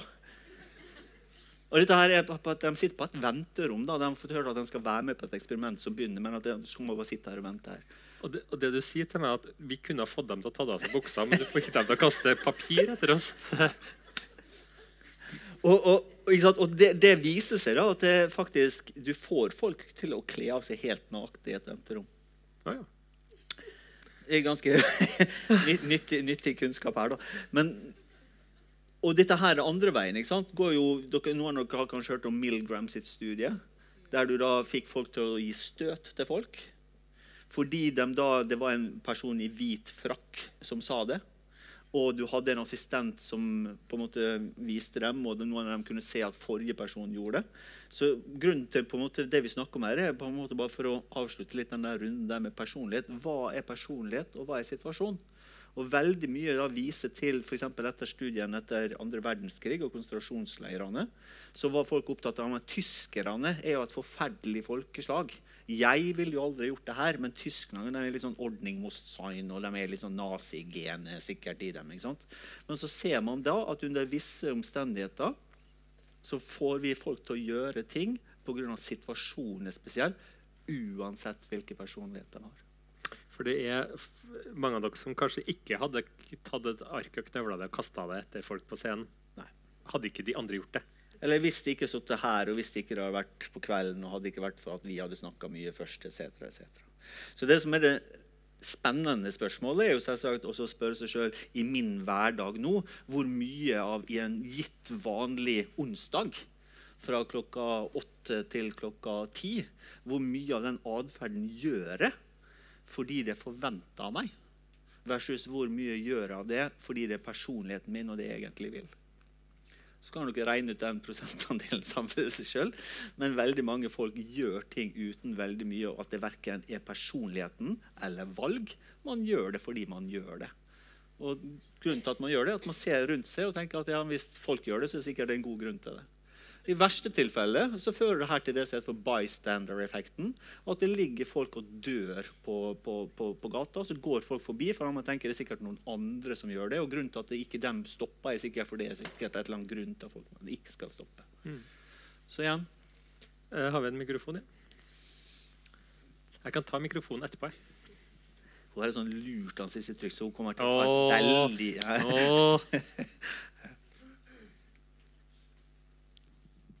Jeg lurte bare på om det kan være urinstinkt. Altså overlevelsesinstinktet som på en måte kicker inn. Ja. Hvis andre gjør det, jeg vil jo passe inn. Ja. Dermed så gjør jeg det. kan godt si det er Urinstinkt er ikke det mest vitenskapelige begrepet for det. Men du har helt, helt, helt rett. Altså, vi mennesker er jo et flokkdyr, som jeg sa i stad. For vi har strukturer i, i, i hjernen som på en måte bruker veldig mye av på en måte Hele grunnen til at de er der, er for at vi, vi vil finne ut hvordan andre folk gjør det. Grunnen til at vi har sånn ansikt som vi har, er jo ikke fordi vi trenger ikke så stor nese og så store øyne, men vi bruker ansiktet for å signalisere følelsene våre. Slik at vi vet om folk er glad eller ikke. For hvis jeg vet om du er glad, og jeg vet på en måte kan litt kroppsspråk, så vil jeg på en måte tilpasse meg eh, til, til deg. Og grunnen til at vi mennesker gjør det, er fordi det er lurt. Så stort sett bare så det er sagt, så er det lurt å gjøre som alle andre. Ja. Men om det er bra på sikt, det er jo noe annet. Jeg kan ta et spørsmål som har kommet inn. Eh, noen som, som eh, spør hvordan kan man ta opp når man har så store problemer med personligheten til en annen person at man vurderer liksom å avslutte vennskapet pga. det. Spesielt om denne personen er veldig vanskelig å konfrontere, ofte opplever kritikk som et angrep og blir veldig sint. Ja. Vær så god. Ja, Da er vi tilbake til vanskelige forhold. Ja. uh, ja, altså bare For å dra det over, da, det, den store, sto, I forhold til det med personlighet og den aksen mellom normal personlighet, hva nå det er for noe, uh, altså en fungerende personlighet, og det med å ha symptomer, f.eks. at du er veldig trist eller veldig engstelig eller veldig, har det veldig fælt pga. traume eller noe som skal ha skjedd, og så helt til høyre, der vi snakker om personlighetsforstyrrelser, så er det nok ganske avgjørende i forhold til hvordan du skal forholde deg til den personen der, om hvor han ligger på den aksen der. Altså Hvis den personen nylig har opplevd noe helt forferdelig, altså et traume, så vil du da eh, forholde deg til han kanskje mer tålmodig og mer direkte enn hvis den personen har en personlighetsforstyrrelse. Det finnes jo flere typer personlighetsforstyrrelse, f.eks. Eh, paranoid personlighetsforstyrrelse. Så klart, Hvis den personen har en paranoid personlighetsforstyrrelse, så vil den personen ha en tendens til alltid tolke ting i verste mening. Og Da er det ekstremt vanskelig å snakke med den personen der, for da vil han nettopp se på ditt forsøk til å snakke som et angrep. Tilsvarende hvis den personen har en såkalt narsissistisk personlighetsforstyrrelse, så vil jo han da tenke som så at han i hele eller Nå sier jeg han, da, men det kan være hun. Eh, har, alltid har rett. Og, eller vil da tenke som så at eh, mine behov alltid går foran, uansett om du gråter og har det fælt.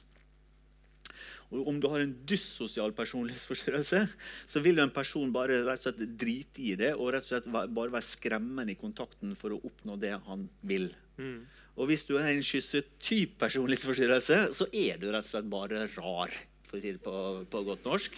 Uh, og, og du vil ha en eller annen sånn fiks idé, men bortsett fra den fikse ideen, og, uh, så lenge du får gjøre dine ting, så vil det fungere ganske bra i en sånn samtale. Så det kommer helt an på liksom mer hvor fastlåst den måten å kommunisere er på. Så det er på en måte det er umulig å svare på det spørsmålet før man har fastslått det.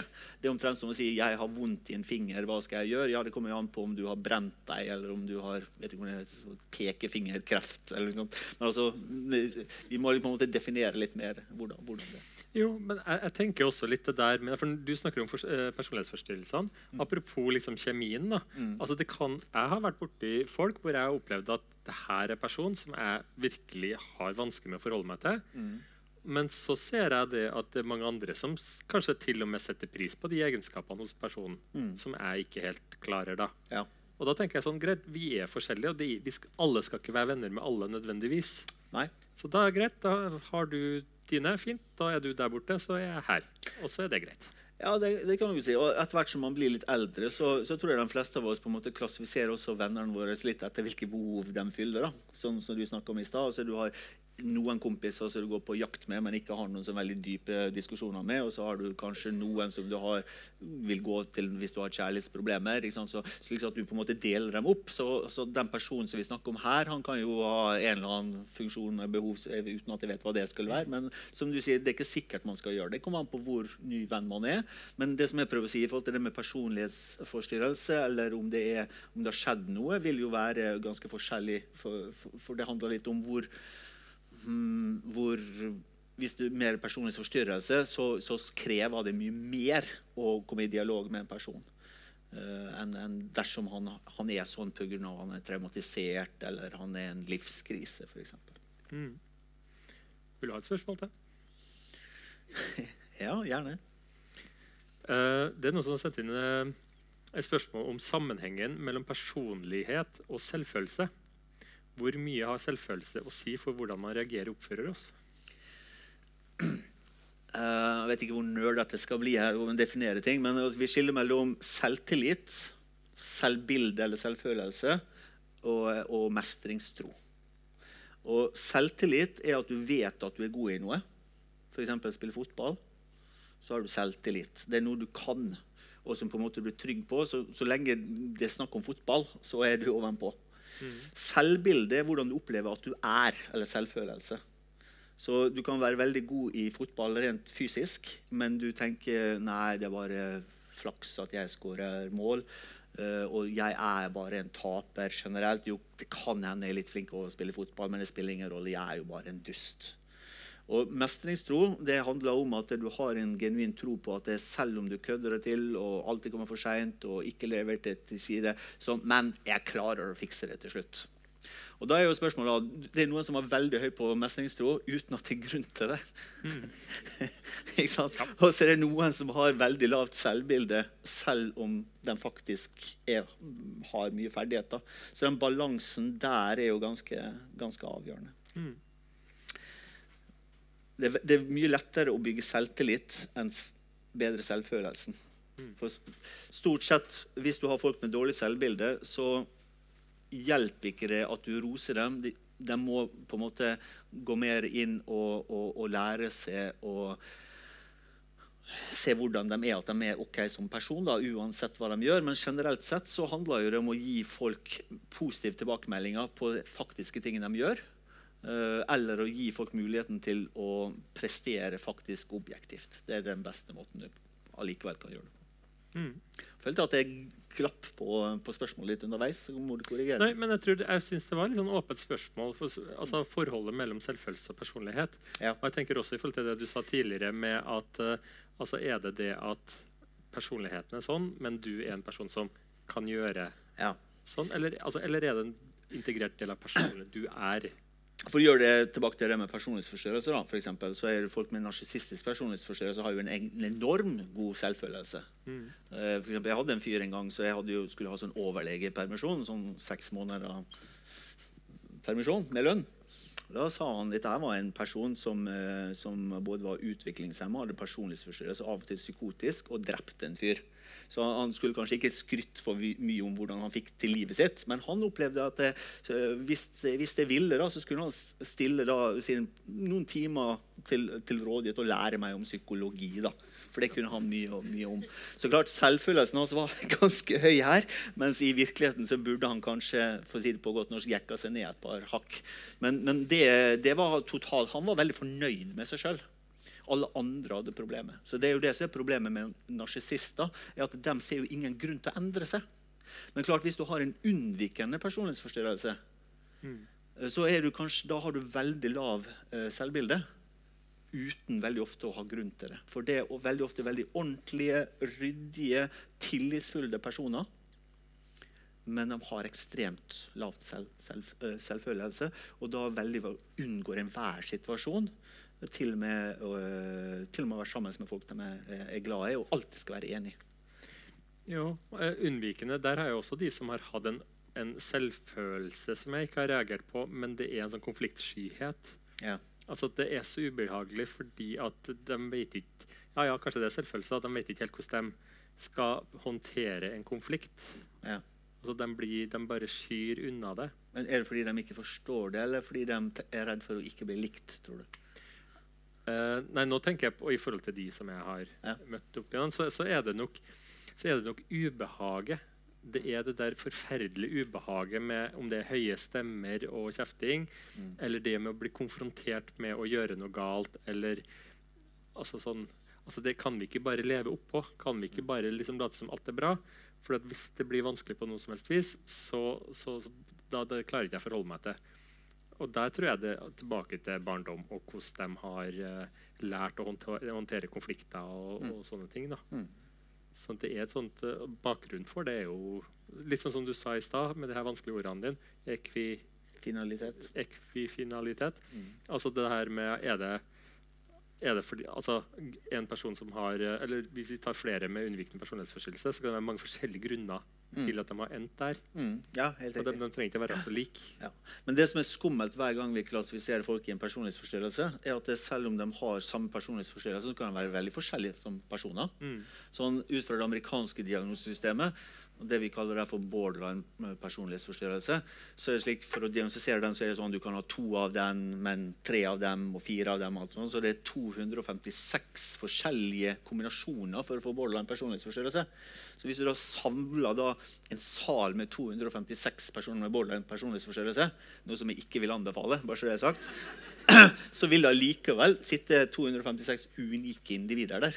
Så igjen, her skal vi være forsiktige med det der med å på en måte diagnose. En diagnose skal bare hjelpe oss å forstå og predikere og gi noen prognose. Eh, og det viktigste med personlighetsforstyrrelse er at de, de er mye mindre fleksible enn andre. Og de, den typen måten de fungerer på, det vil ikke gå over av seg sjøl. Det er en vedvarende trekk som rett og slett er en forstyrrelse. altså Det, det blir forstyrrelse da, i hvordan en tenker, forstyrrelse i hvordan en føler, og forstyrrelse særlig da i forhold til hvordan en forholder seg til andre mennesker. Og det er liksom, derfor det der er litt sånn krasj i forhold til hvordan jeg tenker og jobber. da. Mm. Fordi at jeg er jo ikke jeg, jeg bryr meg ikke så mye med diagnoser. Ikke, jeg kan sette diagnoser og, og kan forholde meg til det på mange måter i jobben min, da, eh, som er i barne- og familietjenesten nå i, i Trondheim kommune. Eh, men det gir meg ingenting. da. La oss si at du, okay, du har en uh, unnvikende personlighetsforstyrrelse. Stempel i panna. Yes! Så sitter vi her, da. Ja. Og ingenting har skjedd. Og hva Hvis det er unnvikende, så er det grunnen til det. da. ja, ja, ikke sant? Jo, nei, men så, det gir meg ingenting. Så, men det som gir meg noe, er mer den der med hvem er du? Og hva er det du ønsker? Så Hvis de sier det at jeg syns, det, jeg syns livet mitt er vanskelig fordi at jeg får meg ikke jobb, jeg får ikke meg venner, jeg fikser ikke eh, parforhold, jeg klarer ikke å holde på en, på en bolig, bla, bla, bla, jeg ruser meg så, ja, men så er det det, om, om du er borderline, eller om du er unnvikende, eller om du er ditt eller datt Ok, greit, det kan, det kan være ting vi kan ha med oss for å prøve å jobbe med problematikken. Men for, om, om det heter det eller ikke, det har ikke noe å si for meg. For da blir det sånn Du er Geir eller Roger eller Per, og du er sånn, og det og det med deg syns du lager problemer for deg. Fint. Ja, men da, da tar vi tak i det. Og det kan være unnvikende trekk og, og depressive trekk samtidig. Eller det kan være altså sånn, Så jeg syns det der med person Og så begynner, er jeg sånn generelt mot å definere hverandre, på en måte, for det blir så fort båser. Og det her med borderline for eksempel, er en kjempestigmatisert diagnose. Og for alt vi vet, kanskje noen her eh, har en borderline-diagnose. Og det gjør ikke folk. Det er verken noe dårligere folk eller noe som helst. Det gjør at ja, jeg har noen utfordringer, kanskje litt mer enn noen andre, bort på det her området. Fint. Og jeg er dårlig på å holde på penger, f.eks. Og vi er nå forskjellige, da. Liksom, det, jeg føler det blir litt sånn, da. Jeg er enig i det, men, men allikevel, hvis du skal leve sammen med en person Ja. altså En ting er at det er pasienten der, men øh, øh, hvis du har en person som hvis du, Uten at du vet om det, da, og kanskje uten at han vet om det, har en narsissistisk personlighetsforstyrrelse eller en dyssosial personlighetsforstyrrelse, så vil ofte sånne personer ha en lei tendens til å forklare sine problemer med at det er du som er noe feil med det. Og det har jeg opplevd ganske mange, særlig kvinner, da, som har levd i årevis med folk da, som har vært manipulerende og gitt dem skylda, slik at man på en måte har på en måte fått et lavt selvbilde nesten av det. Og først i ettertid forstår at faktisk problemet har vært at han har misbrukt dem. Altså øh, psykologisk her, da. Latterliggjort, mista selvbildet etc. etc. Og tilsvarende så har jeg opplevd ganske mange ganger tilbake til dem som kutta seg, da, at veldig mange av dem, øh, øh, både jentene og guttene av dem som jeg har møtt, har jo en emosjonell ustabil personlighetsforstyrrelse. Og når jeg har sagt det til dem, vet du hva, ut fra hvordan vi har snakket om her, så syns du at det du oppfyller kriterier på en emosjonell ustabil personlighetsforstyrrelse, det er noe som er beskrevet her før, og det er en av grunnene til at det du rett og slett har vanskelig med det her. Det er noe som er både biologisk og lært tidlig. Det gjør faktisk at for veldig mange så ok, da er det lettere for meg å forstå at jeg f.eks. kutter meg og har sex med folk jeg egentlig vil ha sex med. Det er det som er fordelen og ulempen med personlighetsforstyrrelsesbegrep. sånn for det har både noen fordeler og noen ulemper. Men det som jeg tenker er viktig, i hvert fall for dem som har det, og dem som er partner med dem, og dem som skal hjelpe dem, er at de rett og slett klarer å holde den balansen som du egentlig målbærer veldig fint. Hvordan, hva er det som er en diagnose, og hva er det som egentlig er relevant av det. Mm.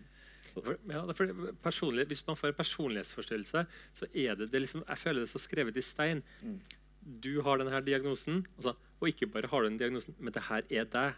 Altså, det er det at Hvis man har uh, angst, f.eks., ja, så, så er jeg, jeg er med med alt som er mitt, men så har jeg det her som er i tillegg til, og som er angst, som er veldig kjipt og vanskelig, selvfølgelig, men som, men som vi kan jobbe og som jeg kan bli kvitt. på en måte. Men hvis jeg har en personlighetsforstyrrelse, så er det, da er det jeg som er problemet på en måte, i meg. Og sånn har rettspsykologer og kliniske samfunnspsykologer diskutert i hundrevis av år. Eh, og det er en god diskusjon, eh, bare så det er sagt. Men, men, men igjen, jeg tenker at spørsmålet er hva vi bruker det til. Mm. Hvis det er nyttig, så er det bra. Hvis det er unyttig, så kan det i verste tilfelle være stigmatiserende. Mm. Men det er et sånn typisk spørsmål, for jeg er jo også spesialist i barne- og ungdoms- og familieterapi. Det er sånn typisk, typisk ting som jeg hører av og til fra en mor da, som sier ja, Ronny Jonny han er jo helt umulig, han lyver og han drikker alt med sånn. Og det var akkurat sånn som faren. Og han var jo psykopat, det vet jeg jo. Ja. Ja. Og, og det er på en måte øh, Hvor mange ganger jeg har hørt at eksen var psykopat, det er ganske mange ganger. Og jeg nekter å tro at det er sant i alle tilfellene. Det, som jeg bruker å si, det kan jo hende at han var rett og slett bare en drittsekk, og det er jo ingen diagnose. ikke sant? Men allikevel, jeg tror ikke vi, fra min side så ser jeg veldig mye at folk også har personlighetsforstyrrelser, og at jeg ser ikke noe problem med å ha en personlighetsforstyrrelse. Jeg synes ikke det i utgangspunktet er ikke noe verre å ha en personlighetsforstyrrelse enn å ha angst eller å ha kreft eller hva det er for noe. Det er bare et, noe som du har. Men det vi har sett de siste åra, er at behandlinga mot emosjonell ustabil personlighetsforstyrrelse er ganske god. Ja. Så hvis du har emosjonell ustabil personlighetsforstyrrelse og i tillegg da har en eller annen problem, for hvis du bare har det i seg sjøl, er ikke det sikkert du skal be om hjelp. Men hvis du har emosjonell ustabil personlighetsforstyrrelse og kutter det eller gjør et eller annet, har veldig mye problemer med kjærlighet, så skal du vite at da finnes det nå faktisk veldig god prognose på det. Men da må du vite at du har emosjonell personlighetsforstyrrelse. Psykopati derimot finnes ingen god eh, behandling mot. Men da er det greit, at hvis folk har drept noen eller voldtatt noen, så er det greit for samfunnet å vite det, for det vil gjøre at de også har høy, høy risiko for å gjøre det igjen. Så det vil være nyttig i den betydning. Veldig mange av de personlighetsforstyrrelsene som vi før trodde var uhelbredelige, viser forskning nå har veldig god erfaring. Så hvis noen av dere har emosjonell ustabil personlighetsforstyrrelse, for det er jo ganske sannsynlig, så tenk at det, da går det an å få hjelp. Ja. så, så det er ikke noe problem i utgangspunktet. Nei? Nå føler jeg at jeg tar veldig mye plass her, men eh, apropos det med personlighetsforstyrrelse, kan ikke det stemme at egentlig alle mennesker har, trekk, har de trekkene, Mm. men at det er bare når det, er i så, at det blir så alvorlig at det går utover forholdet til mennesker. Det er Ja. da det er et problem. Sånn at alle har egentlig en liten personlighetsforstyrrelse, hvis du skjønner hva jeg mener. I Ja. liten grad, da. Jeg vil trekke det enda lenger enn deg. Jeg vil si altså Hele poenget med når vi sier en psykisk lidelse, er at det, det spiller ingen rolle hvilke symptomer du har. Men hvis symptomene medfører problem med arbeid, kjærlighet og andre folk, da snakker vi problem. Så lenge ikke det går utover det, så er det ikke noe problem. Hvis du grubler litt av og til, hvis du er litt hyperaktiv, hvis du er litt trist, hvis du plutselig blir får sånn panikkfølelse, så vil ikke det si at du har en psykisk lidelse. Det er først når det går utover arbeidet ditt, kjærligheten og sånn. Og det er vi som ikke-psykologer, vi, vi er nok mye strengere på å sette diagnoser enn mange andre. For folk bare blar gjennom sånne diagnosemanualer og, og test, ja, ukeblad. og Sånn, de ser jo diagnose overalt. Men jeg tenker vi skal være veldig åpne om at ja, vi alle sammen har trekk av ting. Og jeg, bruker å spøke om det der jeg jobber på Brøsset. så bruker jeg å si Det at det, det er ikke alle som jobber på Brøsset, som har en personlighetsforstyrrelse, men det hjelper. bruker vi å si. Slik at det, det å ha en personlighetsforstyrrelse, det å ha ADHD f.eks., er ikke nødvendigvis et problem så lenge du er klar over det og tar hensyn til det, og, eller andre tar hensyn til det, og det fungerer bra. Så Det gjelder jo om det er personlighetsforstyrrelse eller andre problemer. Nå, vi, nå er vi inne på det her med, med personlighetsforstyrrelser. Da. Er det noen andre spørsmål rundt det? Noe dere lurer på? Nei? Det slår meg det, Hvis du ser hva, hvilke forsider på VG selger VG, på en måte Og det er sex, og det er sånn psykopat. Eh, er din, er din eh, samboer en psykopat? Ta den testen her. Det er veldig, vi, og det der med psykopatene, Vi er veldig opptatt av det, og det er noe veldig skummelt og noe farlig. Og de er der ute, og de ligner på oss, og plutselig så slår de til. Litt sånn, litt sånn er liksom mitt inntrykk. Er dere enig i det? At det er blitt litt sånn? Hva tenker du som jobber med dem, om det? Altså, psykopati, Da det kom eh, eh, altså begrepet psykopati, så, så, så ble jo det kalt for the mask of sanity. Altså at det var gale mennesker, for å bruke det folkelig, men du ikke kunne se på dem. Eh, men det, bare for å igjen da være litt nerdete altså Vi har da dyssosial personlighetsforstyrrelse, som i det amerikanske systemet heter for antisosial personlighetsforstyrrelse. Eh, og så har du da en tredjedel av dem har såpass sterke trekk av både da lovbryting, lite empati, parasittisk livsstil etc. Eh, at, at de vil bli psykopater. Og så har vi til høyre for dem igjen så har vi sadister, som har en spesifikk nytelse av å skade folk. Psykopatene har ikke nødvendigvis nytelse av det. De bruker heller det å skade på folk bare for å oppnå noe. bare for å skille mellom det da. Så jeg tenker at um, Det vi vet om psykopati, er jo dem som er dømt og sitter i fengsel eller har fått diagnosen. Og jeg vil tro at de aller fleste psykopater, eller vellykka psykopater uh, får jo aldri diagnosen. For dem, ingen som vet at de er psykopater. Så dem som jeg synes er de mest skumle, er ikke dem som går rundt og voldtar og dreper folk, men dem som rett og slett utnytter stillinga si, eh, si, alle sånn metoo-ting, uh, utnytter folk, den type ting. De vil ikke nødvendigvis gjøre noe skade fysisk. Men er ekle folk er ekkel mot folk og psyker ut folk, for å si det på godt norsk. da. Mm. Så, så, sånn at Du behøver ikke være redd for å bli drept av en psykopat så lenge ikke du er, har, en, har en person som for har brukt vold mot deg mens dere har vært sammen, og så er han sjalu, og så møter han etterpå. Uh, men, men hvis du har en psykopat, så er de ekle med deg.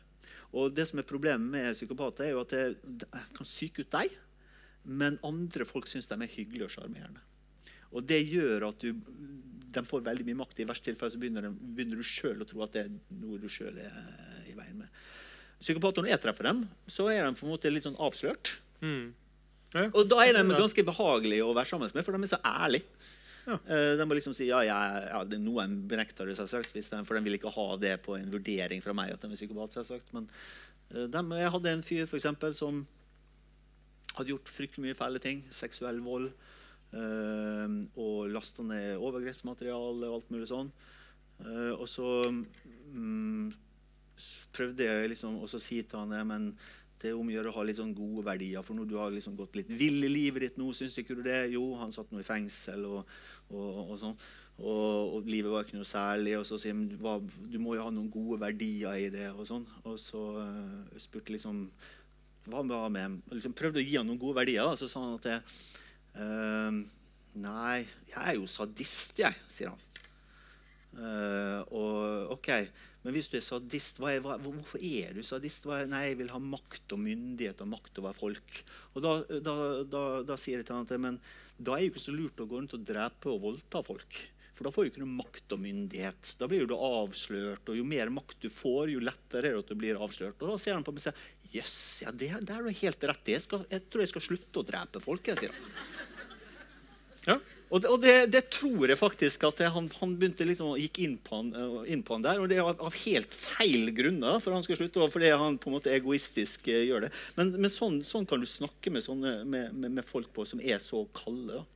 Og for meg som, så syns jeg av og til det er litt sånn befriende. Da, for jeg hører kanskje helt litt sånn sykt ut, det, da, men den, veldig mange av dem vil jo ikke forstille seg. Nei, Så veldig mange er altså veldig ærlige. da. Ja, ja. For det er liksom eh, I avisa så står det Er eh, typen din en, eh, en psykopat? Ta den testen her. Og dere kjøper. Ja. Og så neste dag så står det Er sjefen din en psykopat? Ja, ja, ja. Og så tar dere den. Er du en psykopat? Er du en psykopat? Ja. Jeg tror det. Er det noen som Nei, det er glem det. Uh, det andre spørsmål? I forhold til det? Jeg hadde Jeg syns de er litt fascinerende, de histrioniske. Ja. Det er jo en personlighetsforstyrrelse. Mm. Også kalt hysterioforme. Hysterioforme. Mm. Har du kjennskap til dem? Det er ikke så mye jeg trenger, men det er ofte dem som eh, altså, pick your poison. skulle jeg si. Altså, det er jo veldig ofte dramatisk fargerike personer som tar rommet, og eh, på en måte ja, dramatiske eh, Veldig ofte kvinner, da. Eh, som sikkert er fryktelig morsom å være sammen med, med seg. Så jeg tenker gi dem en eller annen eh, eh, rolle på Det Norske Teatret, så går det bra. tenker jeg. Eh, men så lenge de ikke får det, så tror jeg at folk blir litt lei av dem. rett og slett. Men jeg treffer ikke så mange av dem, rett og slett. Det med Det gjør du kanskje ikke på Brøset, nei. Nei, ikke på, jeg vet ikke hvordan det er i klinisk samfunnspsykologi heller. Men, men jeg tenker det er jo sånne personer tror jeg folk kan bli lei av. den blir too much, og i verste tilfelle så blir de lei av seg sjøl også. Og det må vi huske at Folk med personlighetsforstyrrelser veldig ofte Følelseslivet deres går veldig opp og ned. Eller narsissister og psykopater får ofte en sånn veldig tomhetsfølelse i seg. fordi de mister jo etter hvert så mister de venner. Mm.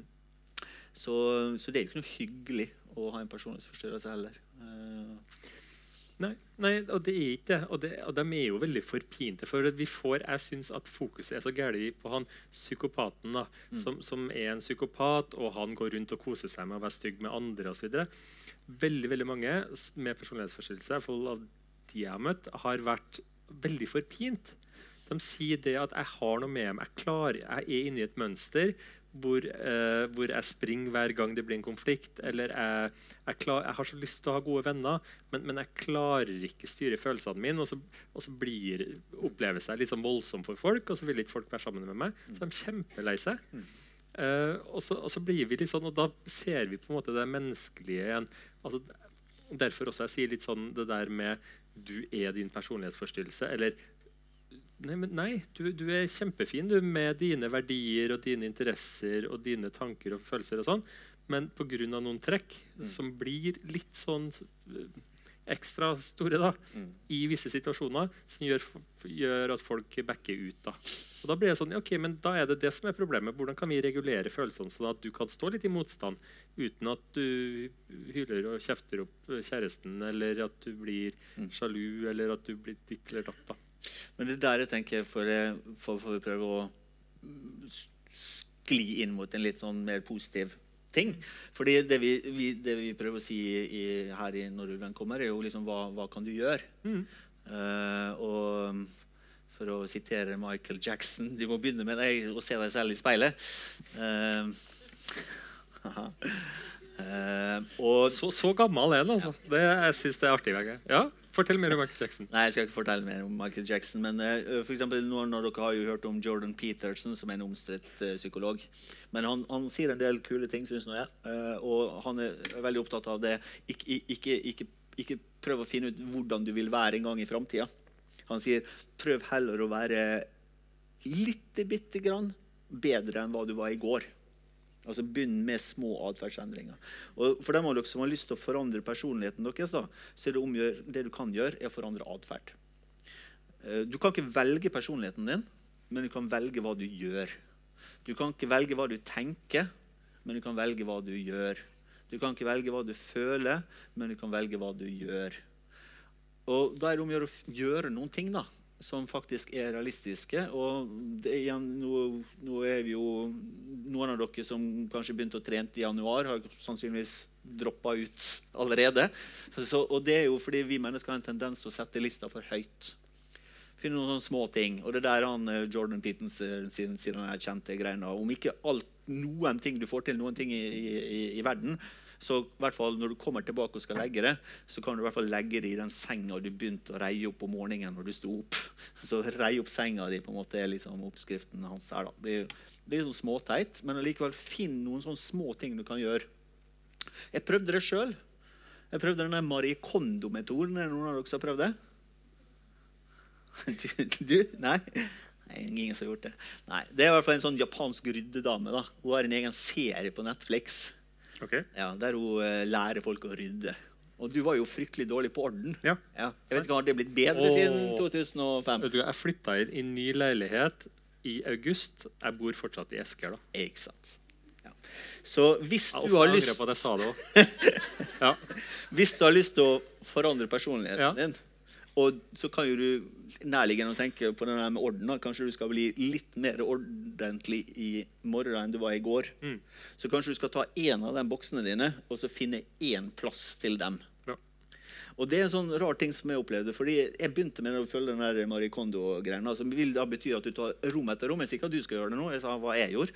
Og så bare tømmer du alt du har i det rommet, på gulvet. Ja. Så enorm haug. Og så begynner du å, ta tak i det. Hvor mye av det her har jeg lyst til å ha? Og så skal du da holde i det. og Har jeg brukt det, og har jeg glede av det? Hvis ikke, så bare gir du det til Frelseren igjen. Etter jeg gjorde denne greiene der, så gikk jeg fra rom til rom. Det tok helt av. vet du. Okay. Og det, det verste av alt, det har, jeg, det har ikke sklidd ut heller. Jeg, tar, jeg har lyst til å snakke med kjerringa di en runde før jeg tror deg helt. Ja, Gjør det. Men ja, Men, og det er det som er rådet for dere her i salen. her, altså Finn én liten ting Mm. som dere kan gjøre. Hvis dere tenker at dere har lyst til å forandre personligheten deres. Det kan jo hende andre veien at dere har lyst til å bli verre personligheter. Og det kan jeg også anbefale. Jeg syns folk er altfor lite sint, f.eks. Altfor lite egoistisk. Så da kan du bestemme at i neste uke så skal jeg, hvordan kan jeg være litt mer egoistisk. For eksempel. hvordan kan jeg på en måte sove lenger om morgenen, kjefte mer på sjefen. jeg vet ikke. Men gjør det konkret, rådet mitt. da. Og gjør det nok ganger. Og når du gjør konkrete ting nok ganger, så forandrer du faktisk måten du tenker litt på.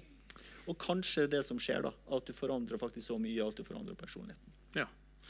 Mitt råd er eh, For å fortsette litt på Ja. det der Nei, for at Jeg er også enig i at det er, det er herregud, altså så mye jantelov vi, vi har i det landet her, og vi skal nå, og det huff og huff og osv.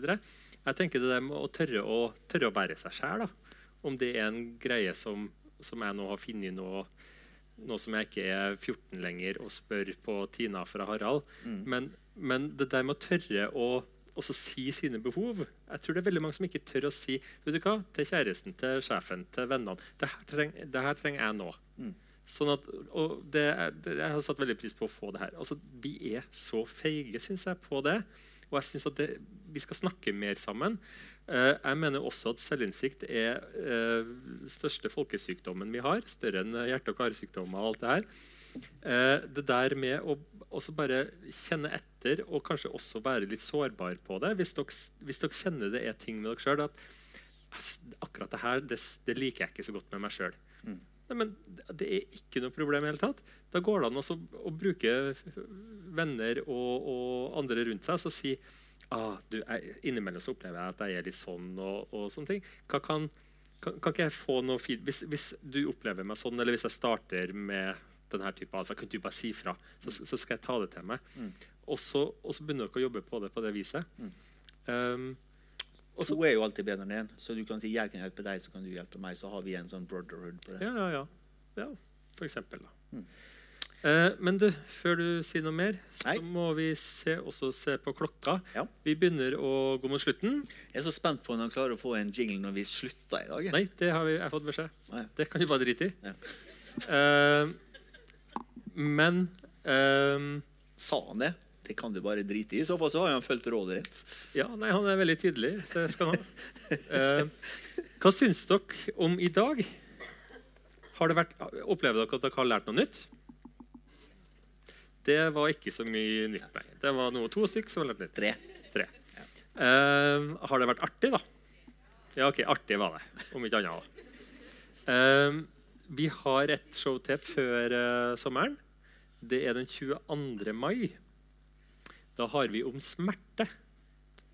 Uh, og det tror jeg blir kjempeinteressant. Da vil vi også ha en gjest. En ekspert En ekspertgjest. i, som er ekspert uh, innenfor uh, medisin og rygg, nakke og skulder. Ja. Og skriver doktorgraden om eh, behandling av smerte. Fordi at smerte er jo noe rent fysisk, men også noe veldig psykisk. Sånn at, så blant annet det her med å leve med smerte, det der å leve med noen som lever med smerte, osv. Uh, og, og hvordan skal vi forstå smerte? Jeg tror, det, jeg tror det blir kjempespennende. Så det blir siste showet før uh, sommeren. Og så skal vi snakke litt med Litteraturhuset. Og vil dere ha oss tilbake? Ja, så bra. Der fikk jeg svar. Det, Ja. det likte jeg godt. Ja, Det er noen av dere som sier 'nei, drit i det'. Ja da, det var artig så lenge det er verdt. Ja. Flotters, er det noe som eh, vi har glemt å si? Nei. Tusen takk for eh, besøket, og håper vi ses igjen 22. mai.